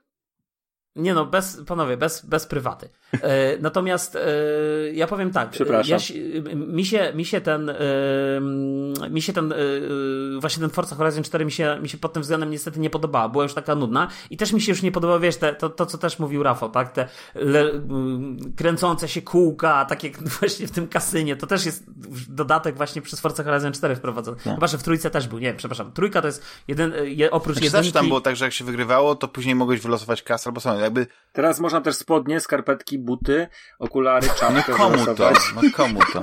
No i ubrać się. Bo tam jest twój awatar, nie? Tworzysz sobie tam swoją postać i ona za tak, każdym razem tak. przed wyścigiem wychodzi na scenę i staje obok auta, którym będziesz jechał. No teraz I dużo gada. Możesz mu, e, możesz mu zmieniać ciuchy, nie? I tam w tej ruletce wypadają ubrania. Ale zgodnie też, słuchajcie, z, e, że tak powiem, e, jakby to powiedzieć, z duchem czasów, jak wybieramy płeć, to możemy wybrać e, on, ona, tak? Możemy wybrać mężczyznę, kobietę i możemy wybrać, że tam chyba jest ono, tak? Że jest ta, jest... Nie no, wiesz, no, tak, ta gra jest, jakby próbuje być bardzo, to, się takie, to jest takie słówko angielskie, inkluzywna, bo można też e, stworzyć postać, która ma protezy, no... W, nie, to akurat okej. Okay. To, to, to, jest, okay. to, jest, to jest gra, która faktycznie, moim zdaniem, jak, jak, jak masz generator postaci, w którym E, w którym nie ma konkretnej postaci, w sensie wiecie, jak jest bohater ustalony jak na przykład Geralt, no to nie możesz tam w Geralta za bardzo ingerować, no nie? To jest postać stworzona, opisana. Ale jak tworzysz swoją postać, im więcej możliwości, tym lepiej, bo to, to niweluje te problemy takie, że na przykład, nie wiem, no, jest za mało postaci kobiecych, jest za mało postaci, nie wiem, takich, siakich, owakich, więc ten, możesz sobie tą postać wykreować jak sobie życzysz. Ja ubolewam, że trochę jest mała, mały wybór twarzy, gdzieś te, te fryzury też mogły być lepsze. No, no, nigdy nie jestem tak do końca zadowolony, bo nie mogę siebie odtworzyć, że się tak wyrażam w tych, tych, tych, tych, tych, w tych awatarach. Ale to jest ciekawe. Później, później jest taka e, seria misji dla luchadorów. I chyba jestem w trakcie właśnie e, chyba już pamiętam z ostatnich i mam nadzieję, że właśnie będzie maska na końcu do wygrania, nie? Znaczy jako nagroda. No tak, tylko nie możesz ładnie jeździć. Czy będziesz mógł jeździć? Będziesz możesz. właśnie mógł jeździć w masce, na pewno mhm. w, tej, w tej masce, bo możesz kapelusza, możesz okulary Cały zakładać, puste jakąś y, maski takie, wiecie, no mamy pandemię, więc takie maseczki są chyba też, o ile dobrze kojarzę, mm, zasłaniające nos i usta. Mm, także wydaje mi się, że tą maskę luchadora też będzie można założyć, mhm. jeżeli będziesz chciał się właśnie sprawiać, sprawdzać w tej masce bardziej niż, bo to, to rzeczywiście takie generyczne, dla białego faceta to tam chyba są dwie, dwie, dwie twarze, mm, więcej chyba dla latynosów i Azjatów. No ale w końcu Meksyk, przepraszam cię bardzo. Moim zdaniem... Ale ty nie, ale Meksyk ale ty to jest tylko miejsce z Wielkiej akcji, no. Brytanii, no. ale ty przylatujesz z Wielkiej Brytanii i e, o ile dobrze kojarzę, masz chyba brytyjski akcent, albo i na pewno chyba niektóre samochody mają kierownicę po są, ale wiecie, ale też wydaje się, przynajmniej ja mam takie wrażenie i być może to dojdzie później w dodatkach, w DLC albo coś, że jakoś mało jest tych samochodów. Wydawało mi się, że było więcej samochodów zawsze. 600? No to nie wiem, no to ja, ma, ja na przykład nie ma Citroenów, bolewam nad tym. E, jeden jest w shopie, na pewno Citroen. tak? Ja chcę Citroen no. Cactus chcę. Nie. Ale to chyba ty nie masz dostępu na początku do, y, nawet w tym sklepie, czy gdzieś chyba nie jesteś nie. w stanie wszystkiego zobaczyć. Ale wiesz, są nie? samochody, których tak, nie że... możesz za Chiny kupić, bo kosztują po 2 miliony, wiesz, jakieś McLareny, no, jakieś stary, Lamborghini. Ale tam już tam są tak szybko jakieś... pieniądze idą, wiesz, no. naprawdę, wierz mi, tam po, po kilku godzinach jazdy będziecie stać na każde auto. Ja chciałem sobie takiego to... Lamborghini Suva wziąć, to, ale wiecie, co też mnie trochę męczy Damian, w tej grze? Jak będziesz grał, jak będziesz grał tak jak Rafał po 8 godzin dziennie, stary, wszystko no, Sky is the limit, sky is the limit ten samolot, co tak przelatuje nad, tym, e, nad tymi, tymi e, domkami, kupię sobie. Ale wiecie, mnie na przykład denerwuje trochę to, że tam właściwie do każdego wyścigu możesz podchodzić yy, jakby jakim chcesz samochodem. To nie, ale wiecie, że, że nie ma czegoś takiego, że słuchaj, gra ci wydziela klasę samochodu. Więc, bo, bo możesz we wszystkie te wyścigi tak naprawdę y, do zażygania, za przeproszeniem, grać tylko jednym samochodem. I nawet mhm. jeśli się nie interesujesz tuningiem, to nic nie zmieniać, czyli nie zmieniać zawieszenia, wiesz, przy, zmieniać elementów tego samochodu, żeby I wydaje mi się, że oni do, do, do, na, przynajmniej na początku, to jak masz tam klasę B, klasę A, klasę, nie, to oni dostosowują auta z podobnej klasy do ciebie. A to, nie? nie, no to tak, to wiadomo, nie, nie, to to akad jest y, oczywiste, tak, że, że zawsze się, po prostu wybierasz sobie S-klasę samochodu, to się ścigasz z S-klasą, bo też masz takie samochody dostępne. Po prostu gra ci daje pewien, pewną ilość samochodów, który możesz sobie wybrać. Zamiast limitować, powiedzieć, że tak, że to jest wyścig tylko dla tych. Wiesz, są te wyścigi specjalne, gdzie dostajesz Ale odgórnie samochód. Nie? Ale sugerują ci. Jest taka Oni... sugestia, ale moim zdaniem ta sugestia jest taka, że mam y, sugerowane dwa różne samochody z różnych klas. Ja za, do końca nie, nie wiem właśnie... wiesz co, jak, tam, ja też się zastanawiałem, dlaczego tak jest, a nie inaczej, ale tam y, można, nie pamiętam, którym to było, przesunąć y, odczyta, odsunąć sobie klasę, jakim jedziesz autem i tam konkretnie na przykład masz offroad, to on ci proponuje na przykład buggy, tam nie tylko dwa daje, tam mhm. masz więcej samochodów i na przykład wybrałeś terenówkę i tą terenówkę będziesz miał, ale jeżeli gdzieś tam sobie odblokujesz e, coś i, i wbijesz sobie wersję nadwozia, e, podwozia tam jak, jakaś wiecie e, 4 na 4 zrobisz, mhm. to on się pojawi później tam.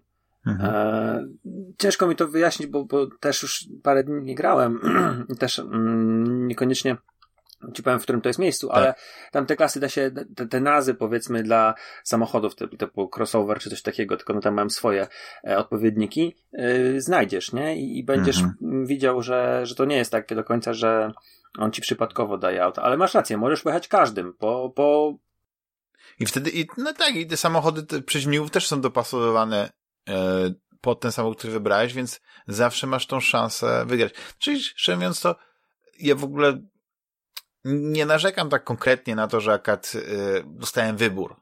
Tylko chodzi mi o to, że można popaść w taki, w taki ma, nie marazm, tylko że jak ktoś po prostu na to nie zwraca uwagi, albo się przyzwyczai, ma taki, bardzo lubi ten swój samochód, to może cały czas jeździć tym samochodem, ale w takiej grze to jednak powinno być taka, taki, taka stymulacja do tej zmiany i przede wszystkim to, co zawsze też lubiłem w grach samochodowych, to budujesz swoją klasę, znaczy uczysz się jeździć od najniższej klasy do najwyższej. Mhm. A kiedy masz nagle, wiesz, jak ja na przykład widzę, że jest jakiś stand, nie? Czyli na przykład, nie wiem, mam wyskoczyć gdzieś e, rozpędzony z, z końca e, pasa lotniskowego i gdzieś przelecieć 500 metrów, to oczywiście, że nie będę brał jakiegoś e, e, tego Cinquecento, tylko wezmę właśnie McLarena albo jakiegoś Bugatti, albo nie wiem, Lamborghini i rozpędzę się wiesz, 350 na godzinę, żeby polecieć tam. Więc to trochę, trochę burzy ten progres, moim zdaniem, że nie Mhm. ma takiego progresu. Progres jest tym, że po prostu sobie kupujesz lepsze samochody, ewentualnie możesz tuningować i oczywiście te ekspedycje, to odblokowywanie map i tak dalej. Jakby, wiesz, progres jest, jeśli o świat, jeśli chodzi o świat, jeśli chodzi o rzeczy, które możesz robić, ale nie widzę tego progresu, um, znaczy uważam, że trochę jest zaburzony ten progres, jeśli chodzi o, o, o wybory samochodów. Z drugiej strony, Ale to Ja jest tak taka ma- gra, no. No właśnie, ja też mało pograłem. Ktoś, kto na przykład wpakował 200 godzin w Forza Horizon 5 już, nie? Mógł powiedzieć, że co ty, właśnie, że 504 jak, auta są, jak już sorry. odblokujesz ten prolog po 20 godzinach, to wtedy się otwiera prawdziwa gra i masz zmienną po, warunki pogodowe, zmienny, zmienna pora dnia, jest, e, prawda, sezony są, no bo też chyba jest coś takiego, że co jakiś tam czas zmienia się, nie wiem, nie tylko, że pogoda, tylko też pora roku. Tak chyba było w poprzednich częściach, więc Pora No to deszczowa i- wchodzi chyba, wiesz? tak, no to jest, to jest E. ciekawe. Ta, ta gra cały czas jakby ma dla ciebie coś, coś e, ciekawego do zaprezentowania, no. Ale ja myślę, że ze wszystkich gier e, samochodowych, które ostatnio wyszło, to faktycznie to Forza Horizon jest 5 najciekawsza. I tyle. no wiesz, a, co, a coś wyszło teraz y, swoją drogą? Dirt tak naprawdę, Dirt piątka, no. No ale Dirt początku- 5 w to wyszło chyba rok temu roku. już, jakby, żeby nie skłamać. Tak, tak, no, tak, tak. No, więc, tak, rok temu, no, dokładnie, więc- no, w listopadzie zeszłego roku. Yy, Panowie, yy, Juliuszu, bo ty najmniej mówisz w tym odcinku, jeszcze ktoś powie, że my cię nie dopuszczamy do głosu. Nie sądzę, żeby Wszyscy twoi tak wielki fa- wielcy fani, szczególnie ci, którzy tak e, zawsze e, srogo komentują na, na YouTubie, no domagają się, żebyś jednak więcej się udzielał, więc Juliuszu drogi, w co ostatnio grałeś ty? I chcesz, to możemy zacząć od Ja- Vanguarda, od skończenia Vanguarda i, i szybkiej, e, od to, że jesteś mistrzem tam tabeli i tak dalej. Juliuszu, w co ostatnio grałeś? To zacznijmy od Vanguarda. No ale tak chciałem, wiesz, najpierw tak kurtuazja, a później, wiesz, z grubej rury. Opowiedz mi o tym Inglorious No Bastard. dobrze, to ja zacznę w takim razie, jak, jak już mi mówisz tak, to ja ci, ja ci muszę w sumie trochę przyznać racji z tym Inglorious Bastards. E, w tym sensie, że, bo rozmawialiśmy o tym e, sobie na tych naszych różnych czatach, że e, poza podcastem w każdym razie. E, Kiedy właśnie się, z kolegium chyba- redakcyjnym, kiedy się przygotowujemy do odcinku. Tak, tak, dokładnie. Dużo pracy w to Czy wkładamy. Nie wiem, czy to nawet, nie wiem, czy to nawet nie na ostatnim podcaście chyba. Nie, chyba na podcaście nie, nie zdążyliśmy za Zaczęliśmy mówić, bo wtedy na, w ostatnim podcaście to my dopiero liznęliśmy po pierwszych misjach, więc jakby Tak. dopiero Pudełko. te, te Polizaliśmy. szkatułkowe y, historie otwieraliśmy od dopiero pierwszych postaci. Nie wiem, czy już wtedy, e, jak ona się ta dziewczyna, ta, ta snajperka. Poliana. Poliana. Czy już żeśmy wtedy tą misję y, widzieli, czy nie? Mm. No, chyba nie. Polina chyba, Polina. Polina. Sorry, Polina. Polina. Nie Polina. Hmm. E, wiesz co? E, chyba nie. Chyba nie, nie. Chyba nie, bo, chyba żeśmy, chyba, chyba nie. Ale żeśmy skończyli w, chyba w tym samym momencie, pamiętam, w niedzielę. Tak. Bo ja ci wysłałem zdjęcie, że skończyłem i ty mi wysłałeś, że też skończyłeś i to było takie A, to było takie, wiesz, jak, jak w tych filmach dla dorosłych. inclusive moment. W tym samym momencie skończyliśmy. Dokładnie. Dokładnie. No czyli wiesz, no, tak, ale tak to jest powinno przypadek, być. no ale jest, jest fakt, że to można, ten, możemy to udowodnić przed sądem. Możemy to udowodnić. E, więc tak, ja pamiętam, że padły takie porównania, bo to w ogóle ten Glorious Bastards to się wzięło z e, bodajże na IGN-ie. Oni e, podali w którejś recenzji, wideo recenzji, że nawiązali, że to jest jak Glorious Bastards. I ja generalnie się z tym nie zgadzam. To znaczy nie, nie zgadzam się z tym, bardziej bym powiedział właśnie taka parszywa dwunastka, takie, ten, ten generalnie odwołanie się do tych do tego wielki, wielkiej historii e, filmów wojennych, drugowojennych, e, które pokazują grupę super oddziału specjalnego, takiego zebranego z jakichś tam najlepszych Tak. żołnierzy, albo właśnie tak jak w Parszywej Dwunastce odwrotnie, e, mm, e, ta, taką zbieraninę, która po prostu podejmuje się jakiejś tam super niesamowitej misji. Tylko zauważ, że tutaj te, te fabularne te historyjki, to jednak my tam jesteśmy praktycznie zawsze sami, bo to są historie, które pokazują, które są takim origin story bardziej niż Mhm. y, bo, bo toczy się ten główny Nie, no, bo ta wątek, ale on jest wspólna- bardzo ta- skondensowany, ten, ten wątek właśnie tej kompanii takiej. E, Ten, nie no, on jest, on się dzieje tak naprawdę w pierwszej i w ostatniej misji, no, żeby tam No. specjalnie nie spoilować, tak? Mhm. Natomiast, y, ale chodzi mi o coś innego, bo y, ja mimo wszystko bym powiedział, że to jednak nie jest Inglourious Basterds, bo jednak Inglourious Basterds to jest coś więcej jednak. Wydaje mi się, że patrząc na ten film, to, to nie jest tylko film Łukasz, e, nie, nie nie wystarczy wiem, jakiś tam western substytut o II wojnie światowej. Żeby było Inglourious Ale powiem szczerze, że akurat te skojarzenia z tym Hansem są beznadziejne. To znaczy, oni, od, nawet jeżeli y, chcemy tam szukać tego Hansa Landy u tych Niemców, którzy się pojawiają w, w Vanguardzie, to tak naprawdę yy, to są tak żenujące próby, one nawet do pięt nie dorastają. No ale to jakby osobna historia. Yy, no, temat zamknięty. Tylko temat zamknięty. Tylko, tylko chodzi mi o to, że wiesz, że, że właśnie ten Inglorious, Inglorious Bastard to jest coś więcej. To jest coś więcej niż tylko właśnie taka e, radosna opowieść o żołnierzach, którzy tam się zabijają, jest super. Natomiast, ale jest właśnie ten jeden motyw, że właśnie ta zbieranina, bo jednak ten, yy, jeszcze nie pamiętam jak się nazywał, ten... ten Arthur Knightley yy, chyba? Ale nie, w Inglorious Bastards postać grana przez yy, Brada Pitta E, wyleciało mi, mam na końcu języka, nie mogę sobie przypomnieć. No. W każdym razie, to jak on zbiera tą gromadę, to pamiętasz, że tam też się pojawiają takie, to, to, mi ostatnio się skojarzyło. Tam na przykład jest taka postać tego Niemca takiego, który y, jest żołnierzem niemieckim, który przechodzi na tą stronę aliantów y, w Inglourious Basterds.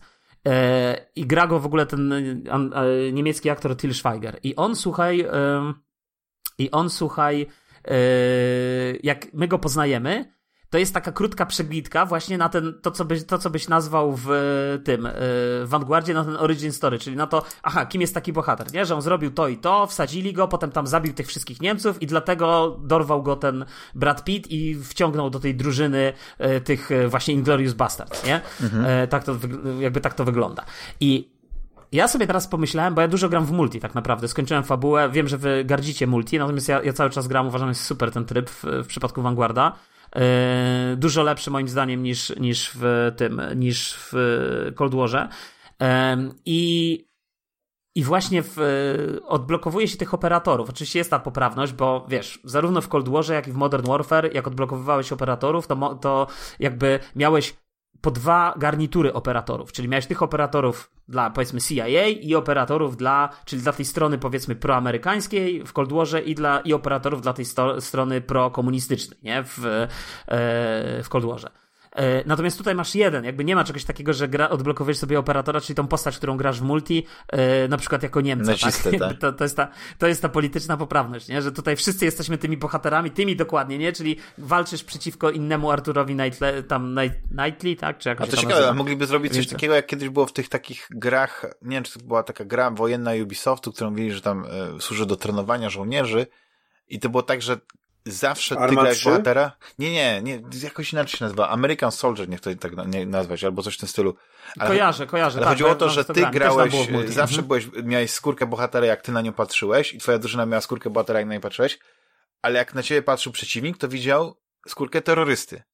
I odwrotnie. Nie? Że po prostu, więc zawsze było tak, że po prostu percepcja była tylko zmieniona, nie? Że ty widziałeś przeciwnika jako tego złego w złej skórce, a siebie widziałeś w dobrej, a on ci widział w tej złej skórce. To tutaj tego nie ma, bo w multi widzisz tych przeciwników, jedynie są czasem takie animacje. Czyli to bratobójcza wojna. Ale posłuchaj, są takie animacje na, na koniec meczu, są takie animacje, jest tam w, w, w, pokazywana najlepsza akcja meczu, a potem most, e, ten MVP, nie, meczu. I są zawsze trzy kandyda trzech kandydatów wybieranych spośród wszystkich graczy, system jakoś tam ich selekcjonuje do tych pozycji, no i wszyscy głosują, akurat na MVP się głosuje. E, I właśnie jak się pojawiają te animacje, to jest właśnie taka animacja, że on tam, nie wiem, ci, ci bohaterowie tam kogoś zamienią i kogo leją? Oczywiście Niemców, nie? Akurat w tych animacjach leją Niemców. Więc to też jest takie trochę zabawne, nie? Gdzie ci Niemcy są? Ale słuchaj, jak odblokowujesz tego operatora, to w tym momencie włącza ci się filmik pokazujący właśnie tą takie origin story, nie? I na przykład są, wiesz, jest mnóstwo, bo tam jest dużo więcej postaci niż tylko ci, którzy są pokazani. Jakby ten oddział był dużo większy, nie? I jakby od, jest taka postać jakiegoś takiego niemieckiego właśnie gościa, który był wcielony siłą tam do, znaczy siłą, po prostu wcielony do, y, do armii tam, do, do Wehrmachtu, ale generalnie yy, przeszedł potem na stronę aliantów, nie? I jakby te wszystkie filmiki właśnie są, ten, akurat ten jest nawet utrzymany, właśnie one są takie trochę w duchu właśnie tych Inglorious Busters i to jest super i tam się strasznie podoba. Yy, I tak, żebym powiedział, że gdzieś tam może cień jest. Na, na pewno, tak jak teraz o tym yy, rozmawiam, yy, czy, czy tak jak rozmawiamy, to, to myślę, że jest to takie stracona trochę szansa. Stracona szansa na to, że rzeczywiście gdyby ten wątek główny, fabularny jeszcze dobudować, właśnie tego oddziału, więcej takich misji, gdy, gdzie ten oddział jest razem, takich misji definiujących później, co oni tam razem zrobili, a nie na zasadzie, że my oglądamy tylko tak naprawdę. Ta gra się zaczyna w momencie, w którym niekiedy jakaś gra by się kończyła i, i by się oglądał tylko później jakieś retrospekcje. Więc y, tu oglądamy tą, wiesz, tą y, jakby koniec y, tej, tej, tą ostatnią misję tego oddziału. W jej trakcie pozostałe misje to są po prostu retrospekcje i na koniec mamy, wiesz, tam, nie wiem, czy nas nie opieprzą za spoilowanie, ale w sumie to nie jest jakieś tam spoilowanie. Nie, no tam fabularnie nic tam nie zdradzamy tak specjalnie. Nic nie zdradzamy. No właśnie, ale Damianie, i co, podobało ci się ten Vanguard? Podobało mi się. Y, szczerze mówiąc, to mm, oczywiście już to, co powiedziałem wcześniej, że to jest jakaś taka wariacja na temat historii, y, a nie stricte historia, y, taka, że można no, powiedzmy no, uczyć wiadomo, dzieci Duty, no. na przykład o II wojny światowej na temat ale, ale jak myślałem, że na przykład nie będzie tam Stalingradu, no to się okazuje, że był ten Stalingrad, tylko w jakiejś takiej innej, innej wersji, bo chyba właśnie ta Polina, nie? Ta, ta misja, w której ona się, jakby ta jej y, historia, no nie? Powstania tej, tej boh superbohaterki, to właśnie jest związana z, z tymi. Muszę przyznać, że bardzo mi się podobało to, że mogłem sobie wejść e, i ta, ten, ten, ta misja pierwsza, no to trochę zespeluję, była taka spokojna, że tutaj poznaliśmy ojca, tu jej brata, i później gdzieś tam y, tymi dachami się przedzieramy przez, żeby dojść do tego, tego zgrupowania, tego wojska i możemy sobie obejrzeć e, to miasto, jakiś taki, taki spokojny moment. I później dochodzi do tego momentu, gdzie jest wojna już jest jak niespokojnie, ale doszedłem do wniosku, że te misje wcale nie są takie złe. Po tym pierwszej misji, która moim zdaniem w ogóle powinna zostać zrobiona inaczej, Czyli to wiesz, cała ta akcja z pociągiem, moim zdaniem była zrobiona słabo, bo to, co mówiłem na temat animacji, e, otwierania drzwi i drabin, to jakby, to tak naprawdę to cierpi tylko ta, ten prolog, ta pierwsza misja na tym. Bo później tych kontekstowych takich sytuacji, gdzie musisz coś otworzyć i tak dalej, jest, jest na tyle mało, że one są zanimowane, nie? Że masz, masz to wszystko tam dodane. I, i, i generalnie e, fabularnie muszę przyznać, że jest, że jest bardzo ciekawe ciekawie to zrobione. E, jak zwykle w, w każdym Call of Duty te misje muszą być e, wielorakie, że to nie jest tylko shooter. Bardzo mi się podobała ta, chociaż była dosyć trudna, ta misja, w której e, byliśmy chyba na w Pacyfiku, tak? Walczyliśmy tym, w tym myśliwcu, nie? Z, z Japończykami, o ile się nie mylę, tak? Z Japończykami. Nie, ja wiem, czy ona była trudna? Midway, znaczy, znaczy w sensie nie, ona ta... nie była trudna, bo, bo, bo, bo ją mógłbyś przejść, wiesz, ale chodzi mi o to, że ciężką, znaczy ja naprawdę nie wiem, ile zestrzeliłem tych samolotów wroga, nie? Nie byłem jakimś tam asem przez tworzy, który ma, wiesz, 10 zestrzeli na koncie, bo tak mi się wydawało, że tak kilka zestrzeliłem i już kolejny etap, nie? No, a później to takie Nie, bo to, no, to jest, wiesz, ja wiem, ale chodzi, ja bym powiedział tak, że ku mojemu zaskoczeniu w tej części Vanguarda, w tej kampanii jest naprawdę całkiem dużo, a na pewno więcej niż w Cold Warze, yy, takich misji zapadających w pamięć. Dlatego, mhm. że, y, dlatego, że y, y, w ogóle mam takie wrażenie, że te najważniejsze części serii robi y, Infinity Ward. No to chyba Sledgehammer robi tę część. Tak, tak, tak, ale mówię właśnie te tak. najważniejsze. Nie uważam, żeby Vanguard był najważniejszą częścią serii. A, Natomiast okay. chodzi o to, że, że te najważniejsze części serii robi E, Infinity Ward, natomiast Sledgehammer robi to, ten, tę odnogę drugowojenną, a e, Treyarch robi tą wersję e, Black Opsową, tak? Mamy trzech, tak naprawdę tak. trzy studia, ale tak naprawdę to jest pierwszy kod po Modern Warfare, po tym odświeżonym Modern Warfare, zrobionym przez Infinity Ward, już zrobionym na nowym silniku, więc to jest pierwszy kod e, od tego czasu już na tym samym silniku graficznym. I to słychać, zupełnie jest inna realizacja dźwięku, zupełnie jest inaczej zrealizowana, e, wiesz, są też te elementy, mówisz, że nie ma zniszczeń. Tak. No to zagraj w multi. Jest mnóstwo zniszczących się ścian, rozwalających, wiesz, możesz rozwalać te drzwi i tak dalej, tak? Nie mówię nawet o trybie zombie, bo ja akurat w niego naj, najmniej grałem, on mnie tam najmniej interesuje. Raz mhm. zagrałem i nawet, nawet mi się podoba. Jest znowu chyba taki, albo trafiłem na jakichś bardziej kumatych graczy, albo, albo jest po prostu przyjemniejszy niż, niż to, co znowu było w Cold Warze. Natomiast yy, w tej, w tej misji, w tej kampanii, ja bym powiedział, że jest przynajmniej kilka misji. Oczywiście były takie bugi, nie wiem, że się frizy zdarzały tych postaci, o tym też na Digital Foundry mówili, o tym, że że tam różne bugi są. Natomiast yy, oczywiście jest to Midway, czyli ta, ta, ta, ta samolotowa. Mi się strasznie podobała ta misja. Yy, tak. Bardzo mi się podobała misja z. W ogóle otwierająca też mi się bardzo podobała akurat. Nie, nie mam, jakoś na te kontekstowe rzeczy w ogóle nie zwróciłem uwagi. Yy, co tam jeszcze było takiego ciekawego? Już tam był i Stalingrad, i Berlin, i Hamburg. Yy, Stalingrad mi się taka... nie podoba. A, i ta, i ta pierwsza misja, ta, ta druga misja tak naprawdę, yy, czyli... Yy, Operation Tonga? Tonga?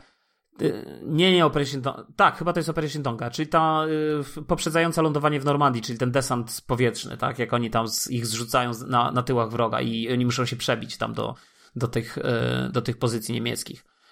gdzie rzeczywiście jest, jest świetna gra światłem, świetna gra właśnie tym światłem i cieniem, to kapitalnie to wygląda. E, I, i, i to, mi się, to też mi tak zapadło w pamięć jakby z tych. Także zaskakująco dużo, jak na koda i, i myślę, że ta gra, yy, tak bym strzelał, ona, ona, ona w sobie jeszcze pożyje, dlatego że to jest po prostu ta drugowojenna, a tych drugowojennych jest jak na lekarstwo. One są bardzo z rzadka tak naprawdę gdzieś tam się, się, się ukazują. Także myślę, że bardzo miłe zaskoczenie w sumie dla mnie, bo, bo się nie spodziewałem, że tak, to, że tak to będzie wyglądać. A kampania jest taka, wiesz, napakowana takim wow, wybuchy, wszystko lata do góry nogami, wiesz, i tak dalej, nie? I to, to, mhm. to też jest bardzo takie przyjemne. Mhm. Ja w ogóle, a propos II wojny światowej, tak sobie pomyślałem, bo oglądałem, a już nie będę robił temu kanałowi e, reklamy, ale tam było a propos wojny, oprócz tego, jak, jak, dlaczego się Amerykanie e, dołączyli do wojny i tam wiesz, te takie motywy. No, Pearl Harbor. No, Pearl Harbor to był, to był taki element jeden, ale chodzi o to, że w, na przykład w kompanii braci było zaprezentowane, że to była takie, że oni już po prostu nie mogli patrzeć na to bestialstwo e, Niemiec. Nie, to nie? chyba jest... No, a, a, wiesz, a bestialstwo na przykład Stalina im nie przeszkadzało, no ale to jest inne. Ale wiecie, kupiłem sobie taką książkę, Wyda, nie wiem, czy to nie zbiór artykułów New York Timesa pod tytułem Kompletna, e, Complete World War II nie? I to od 1939 roku, 1945 roku. I wiadomo, że no, New York Times to jest y, gazeta amerykańska. I byłem bardzo ciekawy, jak na przykład powstanie warszawskie jest opisane w tych gazetach. I szczerze mówiąc, na książce, która ma prawie 600 stron. Nie ma wzmianki. Są trzy, trzy malutkie wzmianki. Taki jeden artykulik jakiś taki i właściwie, nie wiem, być, być może wiesz, to jest kwestia tego, że ja tylko popatrzyłem po indeksie i, i zobaczyłem, co tam jest napisane, a nie, nie wczytałem się w cały kontekst, być może w jakiś, e, jest to bardziej znaczy, opisane wiesz... bez odnoszenia się konkretnie do tego, że się dzieje w Warszawie, tylko tego około tego, co się dzieje. Ale wiesz, my żyjemy takimi wydarzeniami, a później Amerykanie piszą historię i, i, i wiesz, i ciągle ta Normandia i tak dalej, a tutaj nie mamy no, faktycznie jest... takie e, inne historie. One mogą być fikcyjne, ale były w, w miarę ciekawe, nie? No. Nie, no bo tutaj, bo, bo zazwyczaj te Call of Duty, poszczególne części, tak jak ja pamiętam, e, też te drugowojenne wcześniej, e, to one były jakby dedykowane e, pewnemu jakby obszarowi, tak? Czy albo to był właśnie, nie wiem, 44 chyba w Call of Duty 3, albo to był e, e, tak naprawdę chyba 43 i później e, Wojna na Pacyfiku przy tym, już nie pamiętam jak się nazywa, World at War zdaje się, był taki tak. Call of Duty też wydany na Xboxa 360 stary historyczny, więc jakby one zawsze, i one były spójne jakby przez całą grę, a tutaj jest taki roller coaster, nie, bo tu dostajesz właśnie przez, dzięki temu zabiegowi, że, że ta drużyna składa się z kilku postaci, to oczywiście oglądasz, jakby masz dzięki temu szansę zobaczyć tak, i Stalingrad i zobaczyć Midway i zobaczyć ten 44 tam w, w tym w, przed Normandią. I jeszcze do Afryki cię zabierają, więc jakby tak, wiesz, tak. ale wiesz dostajesz taki, dobre, fajny, bo... taki fajny przekrój. Mhm. Ale, ale chciałem jeszcze jedną rzecz tylko jeszcze a propos no. też tego, co, co jakby powiedziałeś o tym powstaniu i tak dalej. Jakby no, jakby wiesz, Hayden White napisał kiedyś, że historię piszą zwycięzcy. Piszą zwycięzcy. I, I to jest jakby poniekąd prawda i, i tak to niestety wygląda. I też y, patrząc na tą grę, y, wiesz, y, wiadomo, no nie ma powstania warszawskiego, a myślę, że to byłby zajebisty temat, żeby pokazać takie zniszczone, zrujnowane miasto i wiesz, i, i na przykład jakieś misje. Myślę, że to, był w ogóle, to jest genialny temat do, do shootera no i do jedna gra, która, drugiej która wojny. traktowała ten temat, no niestety nie, nie zrobiła tego dobrze. To chyba Enemy Lines. Ale to nie... Tak? Ale to nie było Call of Duty. Warsaw, jeszcze był Warsaw, jakoś w zeszłym Nie, ale, była, ale, było, ale to była gra z pierwszej osoby, to była robiona przez jakieś takie studio polskie, już zapomniałem jak się nazywa.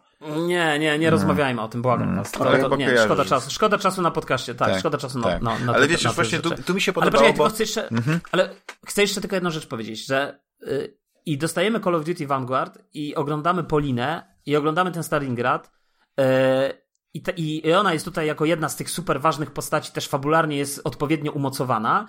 E, a z drugiej strony wiemy, że Rosjanie na początku e, podali sobie rękę z e, Niemcami i sobie ustalili, że Niemcy zaatakują nas od zachodu, a Rosjanie zaatakują nas od wschodu. Tak, i oni się, oni się podzielą Polską. A jak Rosjanie w którymś momencie, momencie Stalin stwierdził, że no dobra, już się robi gorąco, to wtedy przeszedł na drugą stronę i nagle stanął po stronie tych zwycięzców. Więc Wydaje mi się, że wiesz, że. No tak, ale, gdyby, ale też jest taka prawda, że gdyby nie, nie Stalin i Armia Czerwona, to też no, ta wojna by się tak nie skończyła jak ten, bo nie można było liczyć na, na, na tylko Amerykanów, bo oni tak przyszli dosyć późno. Znaczy, to była wojna światowa, więc ona się toczyła wszędzie. To tak, nie chcę też generalizować, ale a propos tego, co też powiedziałeś na temat tej fabuły, że te, że te misje, ona jest, każda jest porzucona, bo, bo dzięki temu możesz pokazać zupełnie różne postacie, tak? Tu Australijczyk, tu Rosjanka, tu, tu Brytyjczyk, tu jeszcze ktoś, e, Amerykanin, nie? I, i e, no mogłeś pokazać różne historie, które jakbyś chciał zrobić chronologicznie, to byłoby je bardzo ciężko, wiesz, tak, tak sensownie pokazać. I e, na przykład Battlefield chyba pierwszy i piąty miał te epizody. Pamiętasz? I każda była, to była taka mała historia, ale one nie były ze sobą powiązane. Nie było tej klamry. A tutaj jest ta klamra fabularna w postaci tego oddziału e, pod kierownictwem tego, tego właśnie Artura Kin, e, Kinsleya, który, tego, te, który po prostu mm, no, no ta historia po prostu się spina, nie? I ona jest trochę jak taki faktycznie jakiś taki serial, nie? Że, że e, mogły być jakieś kolejne części tego, wiesz, Vanguard 2, Vanguard 3. Nie wiem, czy tak będzie, ale kto wie, nie? To by mogła być... Może jakieś jak... DLC, wiesz, tak, to by mogła... tylko, mhm. tylko wiesz, dla mnie jakby smutne jest to, że rzeczywiście ta gra jest mega krótka. Ale to I jest Call jest of tak Duty. Naprawdę... To jest Call of Duty. Te nie, no ja 4 wiem, godziny to, jest... to, to zawsze były takie ja wiem, że to jest, Ja wiem, że to jest Call of Duty, ale, ale w dalszym ciągu ona jest mega krótka i, i, i wydaje mi się, że to też jest jakiś taki... Ja, ja nie do końca... Yy, yy, rozumiem ludzi, którzy kupują y, Vanguarda na premierę po to tylko, ciebie Damian nie rozumiem, po to tylko, żeby zagrać w singla, y, bo, bo moim zdaniem w tego singla to ty sobie mogłeś zagrać spokojnie za pół roku albo za rok, jak ta gra już, nie wiem, pojawi się może na jakichś przecenach czy promocjach, tak? Eee, Ale wtedy nie mógłbym etapie... z tobą podrozmawiać o tej grze, nagrać podcastu, no tak, wiesz, prawda, no, nie byłoby klików, no nie byłoby, Dobra. nie sprzedałoby Coś, się. Ten odcinek by się jeszcze coś chcemy powiedzieć o tym Vanguardzie? Nie, no możemy zamknąć temat. Ja myślę, że, że multi, tak jak powiedziałeś, jesteś tam e, mistrzem nad mistrzami, więc e, polecasz.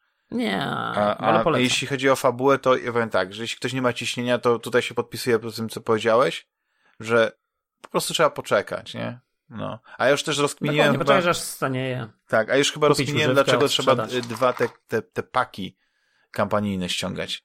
Bo mi się wydaje, że ten pierwszy pak to jest zwykła wersja, a ten drugi pak to jest wersja właśnie na PlayStation 5, wiesz, lepsze tekstury i tak dalej. To musi być coś w tym stylu. Znaczy wiesz, ale, ale z tymi pakami to i tak jest e, to i tak jest e, lepiej zrobione niż... E, Śmiech na sali. Nie, nie, ale to i tak jest lepiej, mimo wszystko to jest lepiej zrobione niż w Cold Warze, bo ty nie grałeś w Cold War'a. W Cold Warze było tak, że no, nie, nie, w trakcie gra. kampanii musiałeś, przeszedłeś pierwszą, najpierw pobierał ci paka, żebyś y, pierwszą misję przeszedł. Jak przeszedłem, ja przeszedłem pierwszą misję, chciałem zagrać w drugą, a tu nie, nie, nie, musisz teraz czekać, bo musimy 30 giga pobrać, czy tam ileś, nie? Musimy pobrać kolejne kolejnego paka do kolejnej misji. I tak z każdą misją było. No, ale to jest absurd, który, który goni absurd i Kotik za to poleciał teraz. Yy, panowie, yy, to zamykamy temat Vanguard. Ja chciałem, yy, może ja jeszcze jednej grze, a później oddam wam całkowicie mikrofon, już się nie będę odzywał. Co Dobrze. Oczywiście, okay? jako Volcz, tak. Dzięki. Yy, nie wiem, czy kojarzycie tę serię y, gier Sherlock Holmes od Frogwares. Frogwares. Tak, Devil's Daughter, wcześniej było Crimes and Punishment. E, Dokładnie. Gdzie Chyba można było niewinnego skazać w wyniku swojej chybionej dedukcji. Ale to prawda. I powstała kolejna część, już bardziej rozbudowana, Sherlock Holmes Chapter One. I mnie trochę ten y, temat, znaczy y, ty, tytuł trochę nadal mnie zmyla, bo nie wiem, czy to jest, y, doszedłem, znaczy myślałem, że to jest w ogóle gra jakaś epizodyczna, być może nadal jest epizodyczna, ale y, gram, przeszedłem e, no, spory kawałek, mi się wydaje, i, i chyba jednak jest y, to w, Nie, po, to prostu po prostu kompletna tylko, gra. Że jesteś dzieciakiem, młodym Sherlockiem Holmesem, bo o to chodzi. Tak, tak, bo, bo w grze po prostu wcielamy się w takiego młodego, 21-letniego Sherlocka Holmesa, który, mm, który już jest, e, już ma niesamowity dar dedukcji. E, no i generalnie chodzi o to, że on wraca do, do miejsca swojego dzieciństwa, do takiej, takiej wyspy Cordona. E, tam też zmarła jego matka jakiś czas temu. No i generalnie tam jest taki, e, widać, że on musi się rozprawić ze swoją przyszłością dlatego tam wraca, nie? I w międzyczasie, prawda, pierwsze zadanie, które tak jakby pierwsza zagadka taka kryminalna, którą podejmujemy, to jest sprawa w, w hotelu, w którym jesteśmy. I to, I to pierwsze miejsce jest takie zamknięte, jest takie małe, ciasne. Ja miałem takie wrażenie, że nawet jest ciaśniejsze niż w poprzednich częściach Sherlocka, więc, więc zastanawiałem się, gdzie tutaj jest jakiś postęp. ale jak skończymy tą pierwszą misję, która jest właśnie takim bardziej rozbudowanym pro, prologiem, e, takim wprowadzeniem nas do, do mechaniki gry, tak? Czyli właśnie tego, co, e, co, co Rafcio powiedział, czyli mamy tą dedukcję, mamy łączenie faktów, elementów, dowodów, to jest bardzo rozbudowane, które może sprawić, że możemy mieć silne dowody, żeby skazać niewinnego człowieka, nie? No, ja oczywiście w tym, tym pierwszym zadaniu, e, które zaczyna się dosyć niewinnie, bo to jakiegoś śledztwa na temat kradzieży i po prostu Sherlock Holmes robi to tak e, jako, jako przysługę, tak, jako coś takiego, no później się to zamienia właśnie w zagadkę kryminalną, bo zostało, e, została zamordowana pewna osoba, no i musimy, musimy znaleźć to i muszę przyznać, że na początku mi było trudno wrócić do tego rytmu, e, prawda, korzystania z tych wszystkich mechanik, tak, czyli e, odnajdywania dowodów, gdzieś przepytywania ludzi, tak, zaznaczania sobie przedmiotów, które chcemy, o które chcemy zapytać kogoś i jednocześnie wykorzystywania takiej mocy, którą, tego skupienia, które, które, które Sherlock ma, żeby na przykład wyłapywać pewne elementy i, i, i, mieć jakieś spostrzeżenia. Ale później, co mnie zaskoczyło, to ta gra się otwiera i mamy otwarty, otwarty świat. I to mi przypomina grę poprzednią i to oczywiście zrobiono trochę w innym stylu graficznym, znaczy w, jeśli chodzi o pogodę i ducha i w ogóle atmosferę, bo Sinking City e, mhm. w, też Frogware'u było taką w pełni otwartą grą. I tutaj e, kiedy już skończymy to pierwsze śledztwo, kiedy już poznamy te mechaniki, to już właściwie zaczyna się ta właśnie gra Prawda, jesteśmy tam na grobie matki, coś się, coś się wydarzyło, coś obserwujemy i zaczynamy po prostu, znaczy wchodzimy bardzo miękko, tak? To nie jest tak, jak było poprzednie, że mamy yy, zagadkę kryminalną za zagadką kryminalną, tylko po prostu ta historia się toczy i ja dopiero jestem, tak sobie pomyślałem, na początku tej swojej przygody, ale już widzę, że to jest, że to jest jednak chyba ich najambitniejszy Sherlock, e, i pod względem właśnie wykonania i pod względem takim budowy tej, tego świata, znaczy tego skomplikowania. Jednocześnie oczywiście on nie, nie wygląda jakoś tak fenomenalnie, tak? To nie jest otwarty świat tak skomplikowany jak, jak nie wiem, e, Cyberpunk 2077, czy GTA 5, czy Red Dead Redemption 2. E, Ale w tej kolejności z takim właśnie. Sinking City ale w porównaniu z Sinking City to jest zdecydowanie krok naprzód, chociaż jeszcze nie, nie stwierdziłem, czy, czy ten jak, jak bardzo jest ten e, świat interaktywny, bo wiadomo, że do każdego możesz podejść, ale uderza to, e, że widać, że to też jest taka trochę budżetowa gra, że, że to jest mniejszy zespół, nie? Że nie wszystko można tego odpowiadać, że jak pytasz barmana o coś, to za każdym razem on ci odpowiada to samo nie ma takiego opcji, że na przykład, no przecież ci powiedziałem przed chwilą coś, albo czemu mnie tutaj denerwujesz, wiesz o coś, że nie ma kilku takich y, odpowiedzi, które mogłyby postać wykorzystać, żeby żebyś nie tracił ułudy. Nie? Tak, żebyś nie tracił u, tej, tej ułudy, że jesteś w tym wirtualnym świecie, znaczy w prawdziwym świecie, nie, jak to powiedzieć. I e, w, no jest tam parę takich elementów, które na początku mnie tak, tak czułem się troszeczkę tak dziwnie, nie? że mówię, kim jest ten jego przyjaciel, ten John, no nie, i, i, i tak dalej, a później się okazuje, że ta, że, bo, bo on się tak, wiecie, wchodzicie do jakiegoś pomieszczenia i ten przyjaciel już tam jest.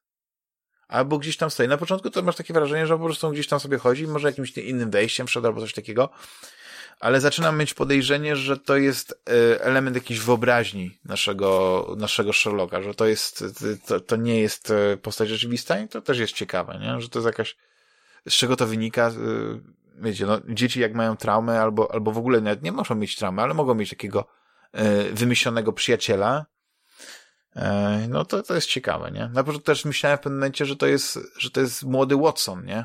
Ale, ale później się okazuje, że, że nic, nic z tym wspólnego nie ma. Więc ja, jak już skończę tę grę, to będę chciał takie małe podsumowanie zrobić i wrócić do tej gry. Na razie, żeby nie zabierać więcej czasu, no powiem, że fani Sherlocka E, poprzednich części, jeśli na przykład, nie wiem, gdzieś przespali właśnie to, że, że ta gra miała premierę e, kilka dni temu, parę dni temu, no to powinni potem tę grę sięgnąć. E, problem jest tylko taki, że ona dopiero, ona na razie wyszła tylko na, na PC i na PlayStation 5 i Series, na, na Xbox Seriesy. Że wersja na PlayStation 4 czy na, na one, ona się pojawi dopiero później. Ale generalnie, no to jest jedna z najlepszych takich gier e, przygodowo przygodowo-detektywistycznych, takich e, z, z, z, tajemnicą, gdzie, gdzie faktycznie, to, jeszcze raz to podkreślę, decyzje mają znaczenie i, i, i łączenie faktów nie ma czemuś służyć. To nie jest tak, jak na przykład było w Game Decku, trochę nieodżałowanym, że te decyzje tak naprawdę do niczego nie wprowadzały. One, one po prostu odblokowywały kolejny trybik, nie trybik, czy jak powiedzieć, że e, kolejny etap, kolejny temat do rozmowy, tylko żeby popchnąć po prostu grę do przodu. Niezależnie od tego, co sobie tam wysnułeś, i tak ta gra szła do przodu. Tutaj e, faktycznie, no macie to możliwość, że już nawet jak wiecie, to też jest ciekawe, że jak wiecie, czy ktoś, e, że ktoś jest przestępcą, tak, że, znaczy macie te dowody, żeby go oskarżyć, to wiecie, możecie tak, że to jest morderca, to jest tak, tak, tak, tak, policja do więzienia, a możecie zrobić miłosierdzie, nie? Znaczy takie to trochę skrzywiona taka e, postawa moim zdaniem, że możemy uznać, że no, tam zabił w afekcie, a ta osoba go kiedyś oszukała i przez nią tam miał kłopoty, więc tak naprawdę to, to było takie sprawiedliwe, że on ją zabił, niech on sobie tam gdzieś ucieknie i tak dalej. Czyli, ale generalnie, no możemy pokazać tak, że jesteśmy taką postacią, yy, która ma taką dosyć oryginalną moralność. Nie? Jak na detektywa, powiedzmy kogoś, to może nie jest stróżem prawa, to jednak, yy, no nie no, to jest świetna gra, no, że się tak wyrażę, no ale no nie chcę jej tak za bardzo oceniać yy, przez, yy, bez, bez przejścia, ale ja po prostu uwielbiam Sherlock. Ja jestem wielkim fanem Sherlocków, każdy, kto słuchał e, Fantasmagierii nie od dziś, e, słucha Fantasmagierii nie od dziś, wie, że, że mi się te gry podobają i e, ja bardzo temu studiu kibicuję, mimo, oni tam mieli te swoje problemy, ale to są nasi przyjaciele za, e, za wschodniej granicy, z Ukrainy, więc wiecie, no. A mają też biura w ogóle w, tutaj na Zielonej Wyspie, więc po prostu jestem jakiś taki związany. Jakoś tak dziwnie. Z tym wszystkim. Może napisz do nich maila. No, może tak właśnie mógłbym tak zrobić. Tak, czy mógłbym do was tam paść z mikrofonem i nakręcić wywiad? Yy, drogi Riuszu i drogi Rafale, co jeszcze tam ostatnio graliście? Yy, dorzućcie do, może Rafał. do, do naszego do pieca. pieca. No nie wiem, czy, czy, czy, o czym chcecie posłuchać, bo wybrałem sobie parę demek na, na tym, na Switchu i jedną z e, gier, które bym odradzał e, kupować nie, jeżeli nie jest na promocji jakiejś takiej konkretnej, to jest mm, pseudokarcianka od e, Square Enix Voice of Cards. Nie of wiem, czy, czy kojarzycie? Nie. E, skusiłem się na demo, bo zobaczyłem, że to mm, no przede wszystkim jest e, Square Enix, bardzo piękne grafiki, e, które zrobiły na mnie duże wrażenie. Takie japońskie, się, no tak. Tak, ale skojarzyły mi się, wiecie, z takim mm, najlepszym, najlepszym okresem yy, dla Square Enix. Takie E, bardzo fajne mm, projekty postaci i że to była też karcianka, nie? Mm. Ale faktycznie, jak się patrzy na te, te zdjęcia, bo sobie wygooglałem, e, Voice of Cars The Isle Dragon Roars, chyba, że to jest jakiś -hmm. dodatek. Nie, nie, to jest, to, to jest ta pełna... Pełny tytuł. No to one wyglądają bardzo atrakcyjnie. Bardzo ładnie. I wygląda to ładnie. I jest plansza jest w ogóle przedstawiona z, z, właśnie z kart, tak jakbyśmy odwracali e, karty i po jednej stronie mamy no, no, no plecy, tak, a się mamy rewers, a awers jest y, przedstawianiem góry, doliny, wodę i poruszamy się tak po mapie. Pojedynki też toczymy tak jakbyśmy mieli stół na skórze, wystawiamy y, dwa rzędy, przeciwnik jest u góry, my jesteśmy u dołu. Gdzieś tam możemy sobie y, zagrywać ataki, które kosztują nas pewien, pewną ilość kryształów, e, takich diamencików, które trzymamy sobie w skrzyneczce. Niektóre kryształy generują, inne zabierają, ale tak naprawdę to pod tym płaszcz, to, jest, to, to wszystko jest ukryte zwykły, bardzo, bardzo prosty JRPG.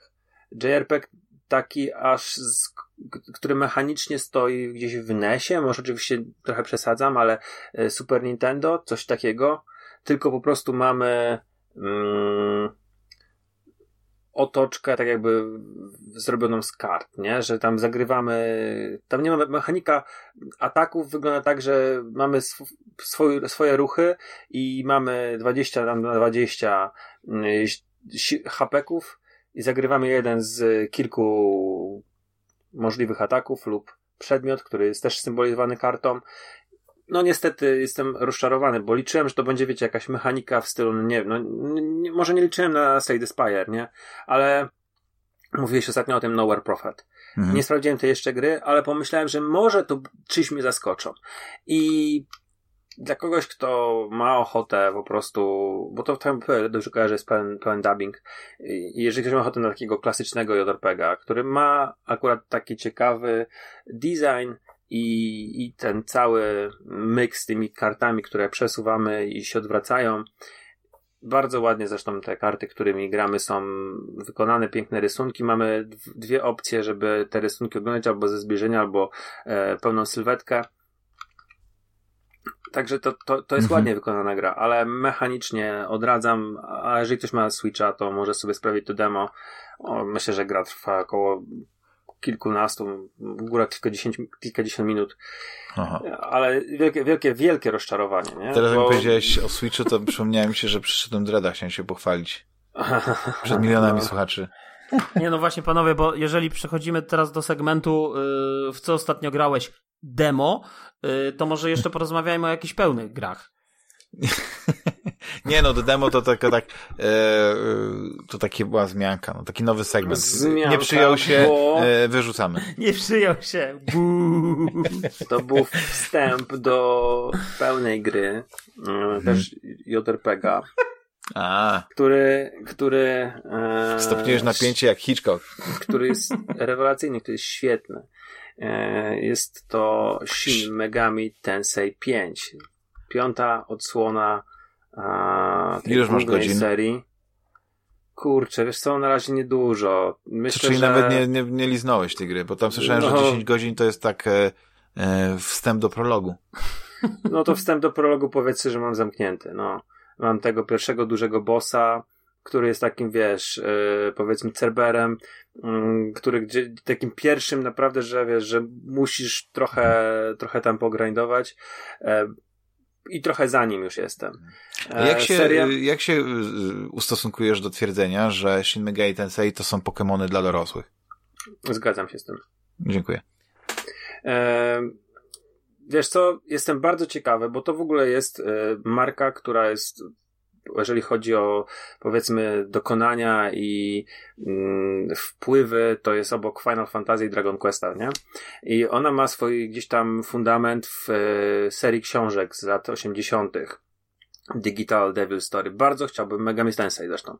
E, I chciałbym te książki przeczytać, albo przynajmniej po angielsku, już nie po polsku, bo jestem ciekawy, bo ten, ten koncept yy, sam świata mi się podoba. Yy, podoba mi się w Personie, bo Persona jest od, od takim no, spin-offem z tej, mhm. tej, tej serii. Podoba mi się w Shin Megami Tensei. Devil e... Survivor też jest świetnym spin-offem. Nie wiem, czy kojarzysz. Mm, Devil Survivor to chyba było na PS2, dobrze kojarzę? Na Nintendo na, DS. Na DS. E, nie, nie grałem, wiesz co? To jest mój, mówię, pierwszy Shin Megami Tensei taki, taki czysty. Mhm. Wiem, że te wcześniejsze wychodziły właśnie na, e, na, na, na Nintendo DS. Teraz wyszedł ten, ta trójka wyszła na, miała premierę w wakacje, ale jeszcze jej nie kupiłem, zacząłem od piątki. Um, fabuła jest taka, że mamy sobie ucznia jakiejś tam szkoły, który um, wraca do, do swojego e, akademika po, po lekcjach i idąc przejściem podziemnym nagle przenosi się do, do, do jakiegoś świata, który powiedzmy jest 30 lat do przodu. Mm, całe Tokio jest y, zniszczone, zasypane piachem i e, zamiast e, ludzi, jakichś tam niedobitków chociażby, tych ludzi, to jest, wielk, jest wielkie pole bitwy między aniołami i demonami.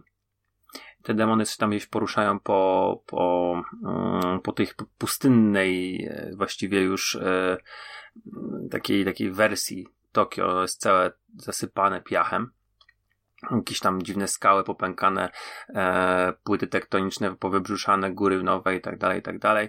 E, w ogóle sama estetyka tego świata, właściwie może nie estetyka, tylko tak, to jest sprzedawane nam trochę, ma taki vibe, mm, tej pustyni, ale też trochę Duny. Jak oglądaliście nową Dunę, to Villeneuve tam melanż przedstawiał jako taką latający złoty pyłek, więc ta gra się też e, w ten sposób mieni złotem. Ma bardzo piękne user interface. E, to są czerni ze złotem. To jest naprawdę bardzo stylowa. Wszystko jest super czytelne. No i mamy tak, jak powiedziałeś, Pokémony, czyli e, gdzieś tam sobie idziemy, widzimy demona i możemy z nim walczyć, go pokonać, lub też możemy podjąć się jakichś tam negocjacji, żeby się do nas przyłączył i czasami jest to pyskówka, czasami jest to prośba, czasami jest to groźba, czasami jest to e, przekupstwo. Ten demon może się zgodzić, dzięki temu możemy mieć trochę silniejszego demona, ale możemy w odpowiednim miejscu podjąć się jego krzyżowania, możemy wykorzystać e, jakiegoś tego, którego właśnie teraz zdobyliśmy, jakiegoś jeszcze innego, do stworzenia silniejszej wersji, która jest nam potrzebna. I to jest, kiedyś, jak rozmawialiśmy o personie, to powiedziałeś, że e, to jest taka papier, nożyce, kamień, nie? Mhm.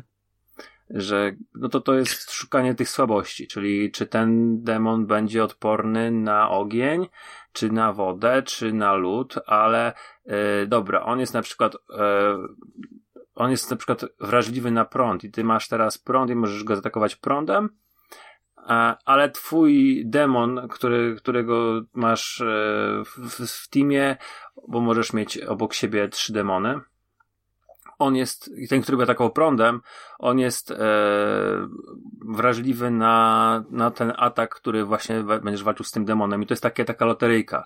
Niedopuszczanie do, do tego, żeby ten atak był wzmocniony, trzeba wzmacniać swoją drużynę w obronie, osłabiać e, powiedzmy celność przeciwnika, ciągle gdzieś tam próbować mu jakieś stagery zakładać to jest zdecydowanie też trudniejsze mhm. od persony. Ten element te... pokemonowy to jest też, że możesz dokonywać fuzji tych demonów. Tak, no fuzji, możesz tutaj łączyć, łączyć możesz je i to jest, e, tego jest bardzo dużo. Zresztą super są te designy tych potworów, bo one są czasami takie w miarę mm, konwencjonalne Super, fantasy. one są takie, wiesz, od takich zapisania są... absolutnie, wiesz, dziecinnych i no, śmiesznych, jak Jack Frost Kot w butach na przykład, na przykład albo Jack Frost, tak, dokładnie. Jack, Jack Frost bardzo typ, typowy właśnie gdzieś tam e, z tej serii, czy Jack O'Lantern, czyli jeden ma bałwan, drugi ma głowę dyni, ale później masz e, typowe fantazy, high fantazy wróżki, jakiś tam rycerzy, poprzez takie naprawdę pojechane designy, które się w głowie nie mieszczą. Mm, jest z tego, co, co widzę, to jest sporo w tym już jakiegoś tam krytyki dogmatów e, chrześcijańskich. Z tego, co, co, co, co dopiero początek e, gry, tak jak powiedziałeś, liznąłem wstęp do prologu. E, postapokalipsa e, i już gdzieś tam się zdarzają takie bardziej filozoficzne wtręty, bo ten Shin Megami Tensei, z tego co wiem, z tego co czytałem, to jest, e, przynajmniej zawsze do tego, do tej czwórki z 2003 roku chyba, był taki właśnie mocno osadzony na na, na, na takiej, jeżeli persona była, chodziła o relacje z ludźmi, o, o taki feel good e, game, czyli pomagasz innym, to tutaj jest raczej tematyka bardziej w stronę, no nie wiem, gdzie jest Bóg, kim jest Bóg, kim jest, czy Bóg jest stwórcą, czy e, Adam i Ewa byli naprawdę i to wiesz, to są takie religijno-filozoficzne mm, tematy, gdzie mm, niezłe rozkminy normalnie. Gdzie właśnie podejrzewam, że w pewnym momencie jak trzeba na, się jak zastanawiać, o, e, tak jak o nastolatku. szukając jakichś takich interpretacji w e, Neon Genesis Evangelion, tak żeby poruszyć gdzieś tam mniej więcej się w, w granicach e, tematów podobnych. Mhm. Ale, Ale jestem ja mam takie pytanie do ciebie, e, no. Bo to jest gra specyficzna. To jest japońskie mhm. RPG, ale takie, takie specyficzne. I czy ktoś, kto nie lubi japońskich RPGów, takich typowych, tradycyjnych, jednak mógłby się zainteresować tą grą, czy jednak e, ona jest jednak mocno japońska i mocno odjechana i mimo, że na przykład ma y, fajniejszą mechanikę moim zdaniem niż takie typowe japońskie RPG, nie? Jeśli chodzi o walkę, to czy, y, czy w ogóle warto po nią sięgnąć? Nie wiem. Nie mam na pytanie, Dziękuję. bo jest tam przygnębiająca atmosfera, wiesz, tam jest taka atmosfera osamotnienia i generalnie ten świat umiera i jest przygnębiające, więc to trzeba się zastanowić, czy się No lubi tak, takie coś. walą po tych E, chrześcijanach, przygnębiająca atmosfera. Nie, nie, nie po chrześcijanach, Nie, tylko komuś to może gra raczej, podobać. Raczej, raczej wiesz, to jest tam, no są jakieś tam pytania zadawane, Mhm. ale tak, jest moim Nie zdaniem rozgrywka jest, i system walki jest, jest super, jest Mhm. e, taki jak Nie, no, jeżeli się lubi Pokémony, to tak. tak. jak powiedziałeś, Pokémon dla dorosłych, tak, to jest to. E, Jest dosyć dobrze zbalansowany. Ta gra nie jest aż tak szalenie trudna, jak mówili, że będzie, ale jest też na początku. Trzeba Mhm. rzeczywiście trochę tam e, po, po, pobawić się. Te wszystkie side questy to są, to są FedExy, nie? To, Mhm. to jest, to, nawet nie To ma co, myślisz, się... że wyrobisz się do końca roku? Na przykład, żebyśmy ją w podsumowaniu roku wymienili? No na szczęście to podsumowanie roku będziemy robili w styczniu, więc mam nadzieję, że zdążę. Wiesz, wpadnie ci jakaś fajna visual novelka, to, to cię odciągnie od klepania Plan, demonów. plan, planuję Albo jeszcze jakieś zajebiste demo. No. demo.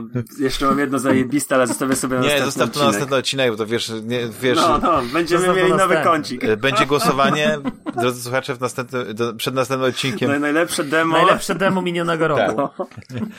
E, ale, bo wiesz, wiesz, chciałem tylko powiedzieć, że, że Juliusz, e, no, otarł się o Shin Megami Tensei, e, Tensei bo przecież gra w, Personę 5. I czy to była Wiem. tylko taka przygoda krótka, Juliuszu, czy chciałbyś coś Krótki dorzucić romans, do tej, czy to jednak tam wchodzisz dorzucić do tej związek? dyskusji na temat właśnie tych japońskich RPGów i tych gier? Bo Wiesz chciałem ja ci jestem- powiedzieć, że ja romans jestem- z nauczycielką właśnie cię czeka w Personie 5. I tam masz kilka Hmm. e, różnych, Nauczycielek. nie tylko nauczycielek, ale tam jest kilka różnych Hmm. postaci kobiecych, również od ciebie, bo, bo grasz nastolatkiem starszych Żądających. i do bardziej doświadczonych, w które możesz wejść w taką poważną relację. Ja jestem oczywiście stosunkowo na początku pewnie yy, tej, tej gry, natomiast ja odpaliłem ją z ciekawości. Urzeka mnie, yy, czy urzekła mnie od samego początku ta strona wizualna i nie chodzi mi o grafikę, czy tam wiesz, bo tam jest dużo takiej umowności. Ktoś, można by było powiedzieć, że to jest normalnie tak jak w grze na Switchu, że tam wiesz, te tak, przechodnie, taksido grasz, goście. Mm, Ale że te, te post... nie będę komentował tych yy, prymitywnych zaczepek. Natomiast natomiast natomiast to jest tak, że że yy, wiesz, jak na przykład stoisz na ulicy i widzisz tych przechodniów, czy tam gdzieś na korytarzu, czy w metrze, nie, to oni tak się pojawiają i znikają. Dużo jest takich jakichś dziwnych umowności, ale nie wiem, czy one wynikają z konwencji, bo na pewno PlayStation 4, na którą oryginalnie to wyszło, yy, była na tyle mocna, żeby to spokojnie sobie z tym poradzić, no ale, ale powiedzmy takie jakieś ciekawe decyzje yy, są. Natomiast mnie urzeka generalnie ta strona wizualna, wiesz, te wszystkie przejścia, te animacje między loading screenami i tak dalej, to, to po prostu aż się chce grać, bo to po prostu tak świetnie jest yy, zaprojektowane, tak, tak, tak znakomicie narysowane, yy, że, że po prostu tworzy to jakby niesamowity, niesamowity efekt. Yy, no i genialna muzyka jest w tej grze, moim To zdaniem. prawda. Jest naprawdę świetna muzyka. Ja jest, tutaj po prostu jest w ogóle... Wejdę ci na chwilę, bo mówisz o muzyce, ja zapomniałem to wspomnieć. Piątka e, SMT ma rewelacyjną, e, to, jest, to jest najwyższej próby, najwyższej klasy ścieżka dźwiękowa. Dawno nie, wiesz, wiecie, byłem na, mówiłem o tej piaszczystej planecie, przywołałem Dune i szczerze to Shin Megami Tensei ze swoją muzyką to tego Cimera e, zjada na śniadanie. Tego z, z, z Dune Villeneuve'a. Mocne Przepraszam, już się daję. Będziesz może musiał je odszczekać kiedyś. Może tak. W każdym, w każdym, w każdym razie wracając do persony, wiesz, yy, yy, mi się generalnie podoba, bo ja wiesz, ja jestem na etapie, jak wy mówicie Pokémony, to jestem na etapie Mitopii jako JRPG, yy, który jest moim zdaniem takim totalnie lightowym, casualowym wprowadzeniem w ogóle w coś, co jest JRPG-iem i teraz y, zobacz, to jest to mniej więcej tak to wygląda, nie? Ta walka i to wszystko, to jest ona oczywiście dużo bardziej uproszczona i tak dalej. E, drugi krok to są te Pokémony, już sobie zamówiłem oczywiście e, mm, e, Diamond, tam Blue Diamond chyba, czy nie pamiętam jak się nazywa, tam Shining Diamond chyba, nie, Shining Pearl i coś tam Diamond jest teraz, ten nowy Pokémon, tak, który się jutro zdaje się ma swoją premierę. Em, więc, e, no a tą personę właśnie tak gram się gości. Natomiast to co, to, co takie mam pierwsze spostrzeżenia, nie, że dużo jest takich dłużyzn w tej grze, które mm, jakby jakoś tam specjalnie mi nie przeszkadzają, ale mam wrażenie, że to jest tak tak rozwleczone, że, że pewnie ta długość tej gry, ona też wynika stąd, że jest dużo właśnie takiego, no nie wiem, oglądasz jak te postacie wolno się tam To poruszają, jest jeszcze coś i tak nic, dalej. I jakby, Juszu. Wiesz, co i cię spowolni? jakby, ale, Grind. Więc w ogóle w No, tę grę warto grać nie na ma, najniższym. Nie ma, nie ma na w poziomie grindu w trudności. piątce. W piątce nie ma grindu. I to mówię... Ale w Znaczy, wiesz, trójce, ale, ale, czwórce grind, był... ale grind, słuchaj, ale grind jakby dla mnie nie jest elementem odstraszającym, dlatego że jeżeli gameplay y, walki jest fajny i, i, i ciekawy i fajnie zrobione są fajne skille, fajne, y, fajne umiejętności, to, to, to dlaczego nie? No to jest miodne, to się fajnie, to się chce grać. Natomiast także myślę, że to akurat jakoś tam specjalnie mnie nie odstrasza, a, a mi się w ogóle, bo mm, jakby te JRPG są teraz takim trochę y, jednym z takich niewielu gatunków, które eksplorują tą, y, czy, czy są wierne w zasadzie y, tej takiej turowej walce, która gdzieś tam y, w tych grach jest od zarania dziejów tak naprawdę. I, i myślę, że to jest też coś, czego, czego jakoś tam y, szukałem chyba w, jakim, w, ostatnim czasie. Więc, ale wiesz, o, o Personie myślę, że jeszcze porozmawiamy o tej piątce, bo jeśli nie rozmawialiście o niej tutaj. Ja tak naprawdę przyznam się bez bicia, że zagrałem tylko pierwsze, pierwsze, nie wiem, pół godziny. Więc cała ta... No to nie wiem, to ja już jestem dużo dalej. Mm, Cała... Tylko ta historia jest na początku, wiesz, Tak, tego nie chłopca, który tego, musi- tego mm. nauczy... Ale dobra, chłopca, ale doszedłeś już do tego nauczyciela, że ten nauczyciel niby tam znęca się. To jest takie trochę, mam wrażenie, słuchajcie, tak ociera się trochę o taki, yy, ja bym powiedział, nie, to jest takie trochę groteskowe, tak? Czyli z- jakby z jednej strony jest strasznie zabawne, z drugiej strony jakieś takie dziwnie przygnębiające, ale, ale tak naprawdę, wiesz, że tam ten nauczyciel, on się niby znęca nad tymi swoimi y, uczniami i tam on ten, zamienia się w ten zamek, taki mm, ten, y, ta ich szkoła cała i on wtedy tam patrzy, jak oni tam są torturowani, ale to się dzieje w ich głowach. Ten koncept jest super, y, jest bardzo ciekawy, ale jakby ta fabuła czasami mam wrażenie jest taka trochę mm, ociera się o śmieszność, no, tak bym powiedział. No to ja nie wiem, czy w piątce to jest, ale w czwórce, żeby przejść do tego stanu, e, nie wiem jak to się nazywa, do tego, te, do, Mhm. chyba tam Do było tego- to- e, w czwórce. trzeba było nie? sobie strzelić w głowę z, z pistoletu, nie? Pamiętacie? W czwórce. Mm. Nie, to ja, ja nie Nie, grałem. tutaj jest taki... To jest aplikacja Mhm. na smartfonie, No, dokładnie. dużo lepsze przez rozwiązanie. którą oni... Różnie, równie demoniczne. No, ale tak. Yy, Ale ja bym chciał powiedzieć, yy, bo czuję już yy, zmęczenie nas wszystkich na tym podcaście. Musimy kończyć. No tak, musimy kończyć, a, a ja widzę, że wy panowie tylko gracie i gracie w te gierki, więc ja mówię, że tak, wiesz, kącik demo to moglibyśmy tak z godzinkę jeszcze nagrać, ale Chyba co ja Ale, zaraz, ale Persona 5 to jest pełna gra. ja, a ja chciałem w ogóle jeszcze kącik kulturalny i chyba, chyba nie będzie kącika No to powiemy, kulturalnego. ale to ja tylko powiem. Nie, będzie O, kącik dzięki. kulturalny. To ja tylko jeszcze powiem. Nie, już bez kącika. Zróbmy, zróbmy następny, następny bardziej To kulturalny. taki teaserek będzie, że od następ, następny tak odcinek będzie mówimy. od kącika się zacznie. Bo ja mam kilka książek. No, Chciałem na ja przykład powiedzieć o książce Sharonowicz Ale Życie to z, w następnym odcinku miało być. Już przeczytałem. I co? Świetna. No i powiem ci, że to jest, bo to jest wywiad, wywiad rzeka. No to jest wywiad rzeka A, i... o tym się dowiecie w następnym odcinku. Ale przeczytałeś cały wywiad, czy tylko y, fragment demo, który był udostępniony? Nie, od deski do deski. Od deski do deski to jest wywiad rzeka. Dobra, to o tym będziemy rozmawiać. Ale ja tylko Bardzo powiem, chętnie posłucham, bo słyszałem w tej książce jest dużo o NBA. Jeszcze jej nie kupiłem. Jest. Hej, hej, to NBA. Jest cały w ogóle rozdział o tym. Po, o tym. Właściwie to on sprowadził NBA do Polski. Można powiedzieć. Słuchajcie, ja tylko powiem w takim razie o grze, którą y, udało mi się w końcu skończyć, y, czyli Deathloop. W międzyczasie. Cieszę, ale wiesz co, ja, to ja zanim powiesz cokolwiek, to ja doszedłem do wniosku, że y, ty jesteś taką sinusoidą. Jeśli chodzi o, tema, y, o, o grę. Najpierw jest fajnie, idziesz do góry, bo ci się podoba, zachłasa się, później to taki, taki nudny, bo trzeba grę przejść, a później jak już przejdziesz, to masz tą satysfakcję i znowu jesteś na górce. Nie, nie, nie. Znaczy, y, tak to wygląda na tym podcaście, ale ja wiem, jaka jest przyczyna. Returnala w nie przeszedłeś, więc po prostu zostałeś w tym dołku. Deathloopa się zawziąłeś i przeszedłeś i jesteś znowu na górce. Metroida, no nie wiem, pewnie ten dołek był nigdy nie był taki głęboki, ale jak przeszedłeś Metroida, Nie, no, to przestań, w ogóle nie, super nie, i pobiegłeś kupić e, promkę. Znaczy promkę, tfu, kolekcjonerkę.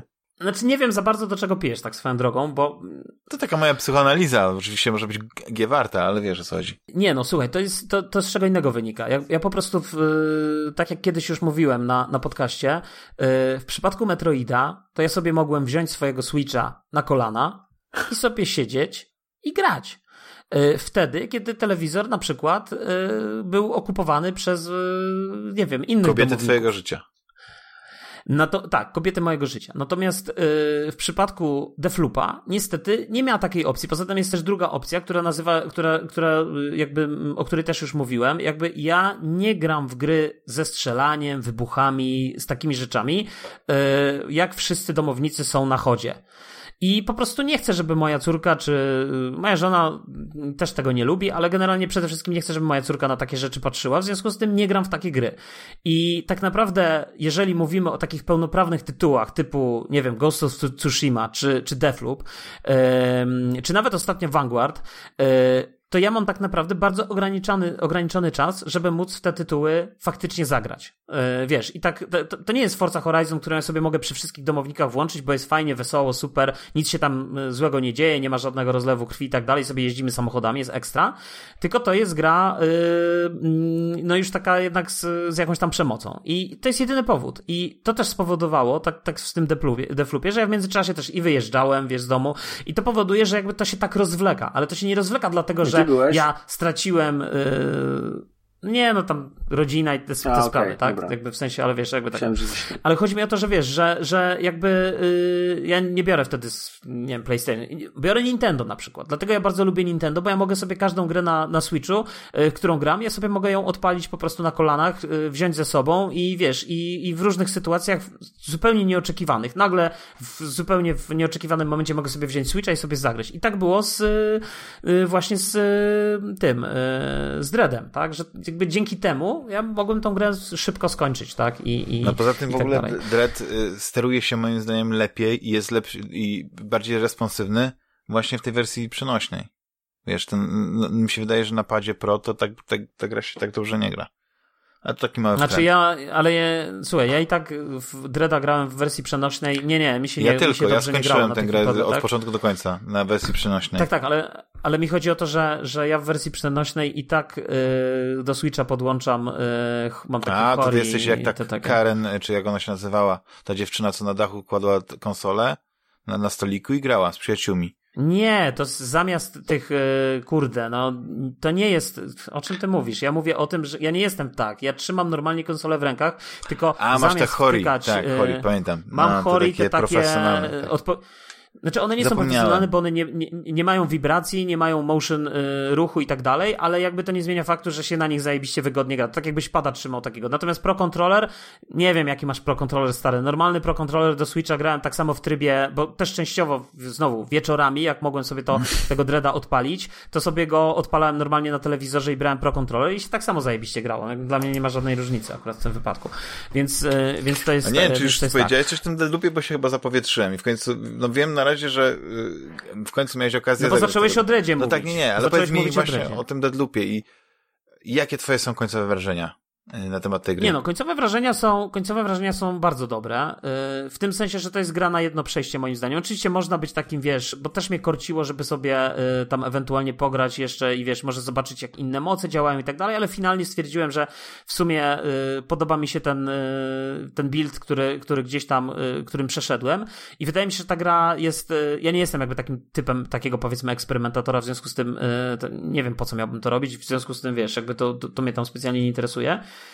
Natomiast zakończenie jest moim zdaniem zajebiste i, i, i w ogóle yy, szkoda, jakby nie chcę spoilować, bo nie chcę nic powiedzieć o tym zakończeniu. Wierzę, że kiedyś przejdziesz tego Deflupa i będziemy mogli sobie nagrać, tak jak nagraliśmy o y, 12 Minutes, to sobie nagramy y, te taki. kilka, y, taki spoilercast na temat Deflupa, bo nie, nie chcę absolutnie nic powiedzieć. Ja tylko powiem, że dla mnie zakończenie jest zajebiste.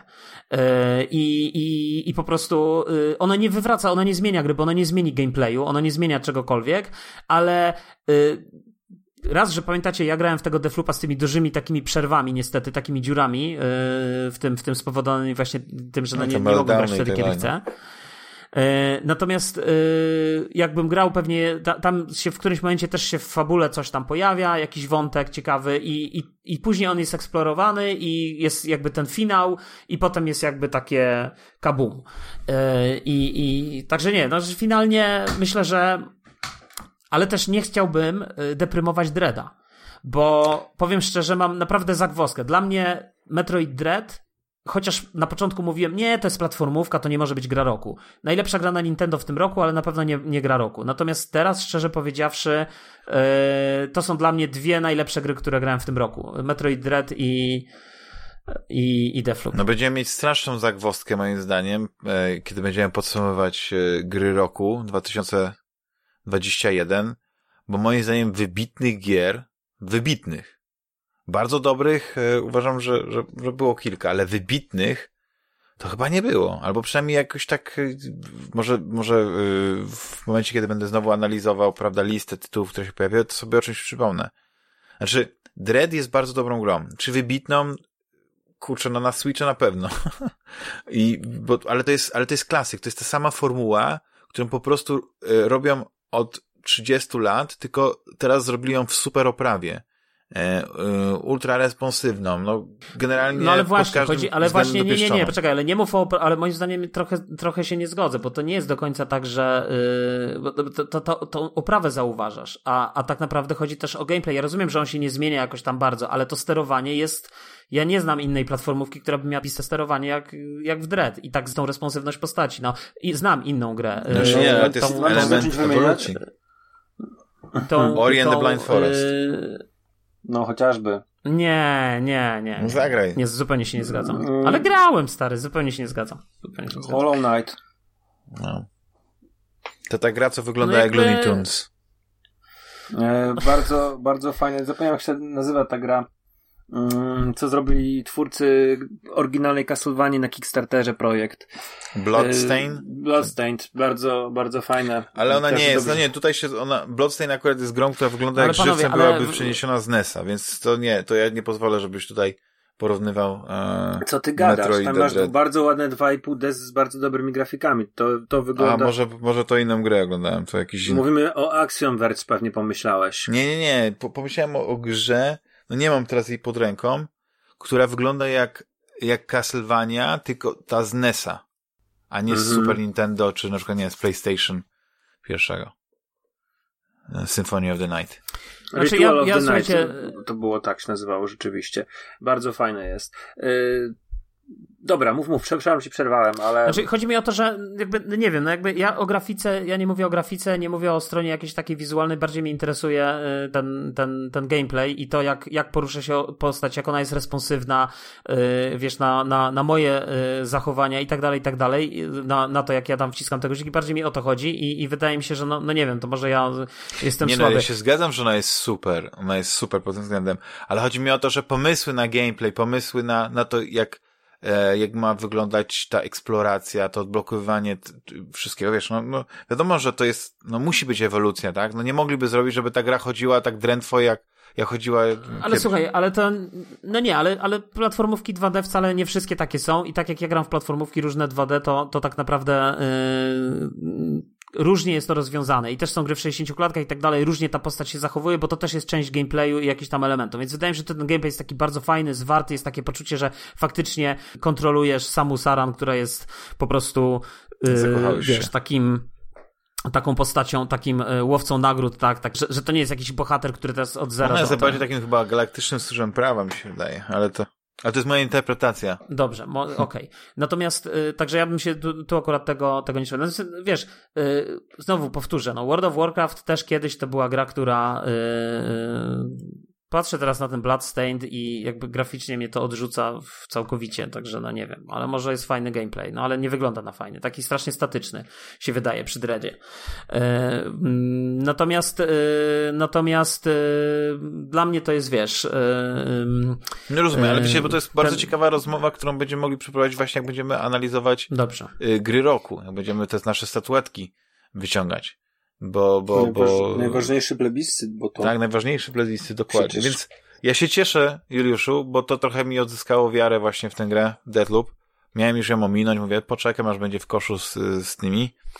Więc jak tylko skończę Days Gone, nie, ja myślę, słuchaj, że to jest. Słuchaj, tylko znowu z Defloopem. Ja powiem ci szczerze, cały czas, cały czas ja jestem gdzieś. Yy, bo ja zagrałem oczywiście w te chwalone przez was. Yy, krótko zagrałem tak naprawdę, więc jakoś nie tam jakoś bardzo. W, yy, i, I może żałuję, ale już, już mi się nie chciało, po prostu już nie mam tyle czasu, żeby w to wszystko grać. w, jak to się nazywa? Kurczę, no ta gra Dishonored, Dishonored, Mhm. e, która gdzieś tam jest No to wspólna, ale wydaje mi się, że... Ja chwaliłem Prey. Ale, wydaje mi się, że... Okej, no to ja, ja w tę grę... Natomiast wydaje mi się, że Deathloop jest w ogóle gdzie indziej, tak? To jest zupełnie inny, zupełnie inna y, para kaloszy. Y, Rozumiem. y, Rozumiem. Jakby w tej grze. I, i szczerze powiedziawszy, dla mnie, y, kurczę, no... Ja nie wiem za bardzo, wiesz? Nie wiem, czym nie powiedział, że to jest wybitna gra. No, mam teraz zagwozdkę, no. Znaczy na pewno jest nominowana do tych e, kilisów, ale to nie będziemy teraz o nominacjach rozmawiać, tylko już podsumujemy sobie, jak już będą wyniki tego ich plebiscytu, wiadomo, gorszego, no ale e, ważnego w branży. No to co, panowie? E, no nie zrobimy kącika kulturalnego, bardzo chciałem o Red Notice porozmawiać, no ale Red Notice jest za darmo w Netflixie, znaczy za darmo w cudzysłowie, więc każdy może sobie zobaczyć i najwyżej... Ja nie, kup, nie opłacam Netflixa, więc na pewno nie obejrzę. No właśnie, dlatego chciałem, żebyśmy mi opowiedzieli, zas- zaspoilowali Juliuszowi. Juliuszowi, jaki Tak. fajny film go minął. Tak, jaki fajny przygodowy, Ech. film nowej A. przygody z Dwaynem Johnsonem, Ryanem Reynoldsem, Gal Gadot i z polskim dubbingiem. Serio? Naprawdę? Ale, ale poczekaj, naprawdę wymieniłeś tych aktorów Tak, na poważnie, na poważnie, film nowej tak. przygody? Dwayne tak, tak. Johnson, To- Ryan Reynolds, Gal Gadot. To raczej ja nie żałuję, że tego, że to mnie ominęło. To nie jest kino, które Ale to jest, to jest... mogę żałować. I bardzo dobrze, że, że nie żałujesz, bo film jest. E, no powiem tak, Gal Gadot śpiewa. Co? No właśnie. Gal Gadot śpiewa. Jak pamiętacie, jak ona śpiewała to Imagine na. Nie wiem, No czy tak, pamiętacie no, tę no, akcję. no, no, pamiętam, E, pamiętam. na początku pandemii. E, to tutaj śpiewa Downtown. Ale czy ja, ja uważam, że ze wszystkich krapowatych filmów, jakie, jakie wypluwa Netflix, tych dużych, nie, że w ogóle, tylko tych takich, wiecie, jak Six Underground, gdzie No, prawda. wielcy reżyserzy dostają taką samą kasę, jaką by dostali, kiedy by ten film miał być y, zrobiony dla kina, to to jest y, dobry film. Wiesz, no, na Prime też było parę filmów takich y, dużych, nie wiem, e, Tomorrow War, nie wiem, czy widzieliście. mm, nie. No, też, też, no, dobra, to będziemy mieli, to mamy temat do następnego odcinka. E, przypomnijcie mi, drodzy słuchacze, żebyśmy nie zapomnieli o tym, to dorzucimy do rozpiski. Serdecznie tutaj Julciowi i Rafciowi dziękuję za rozmowę.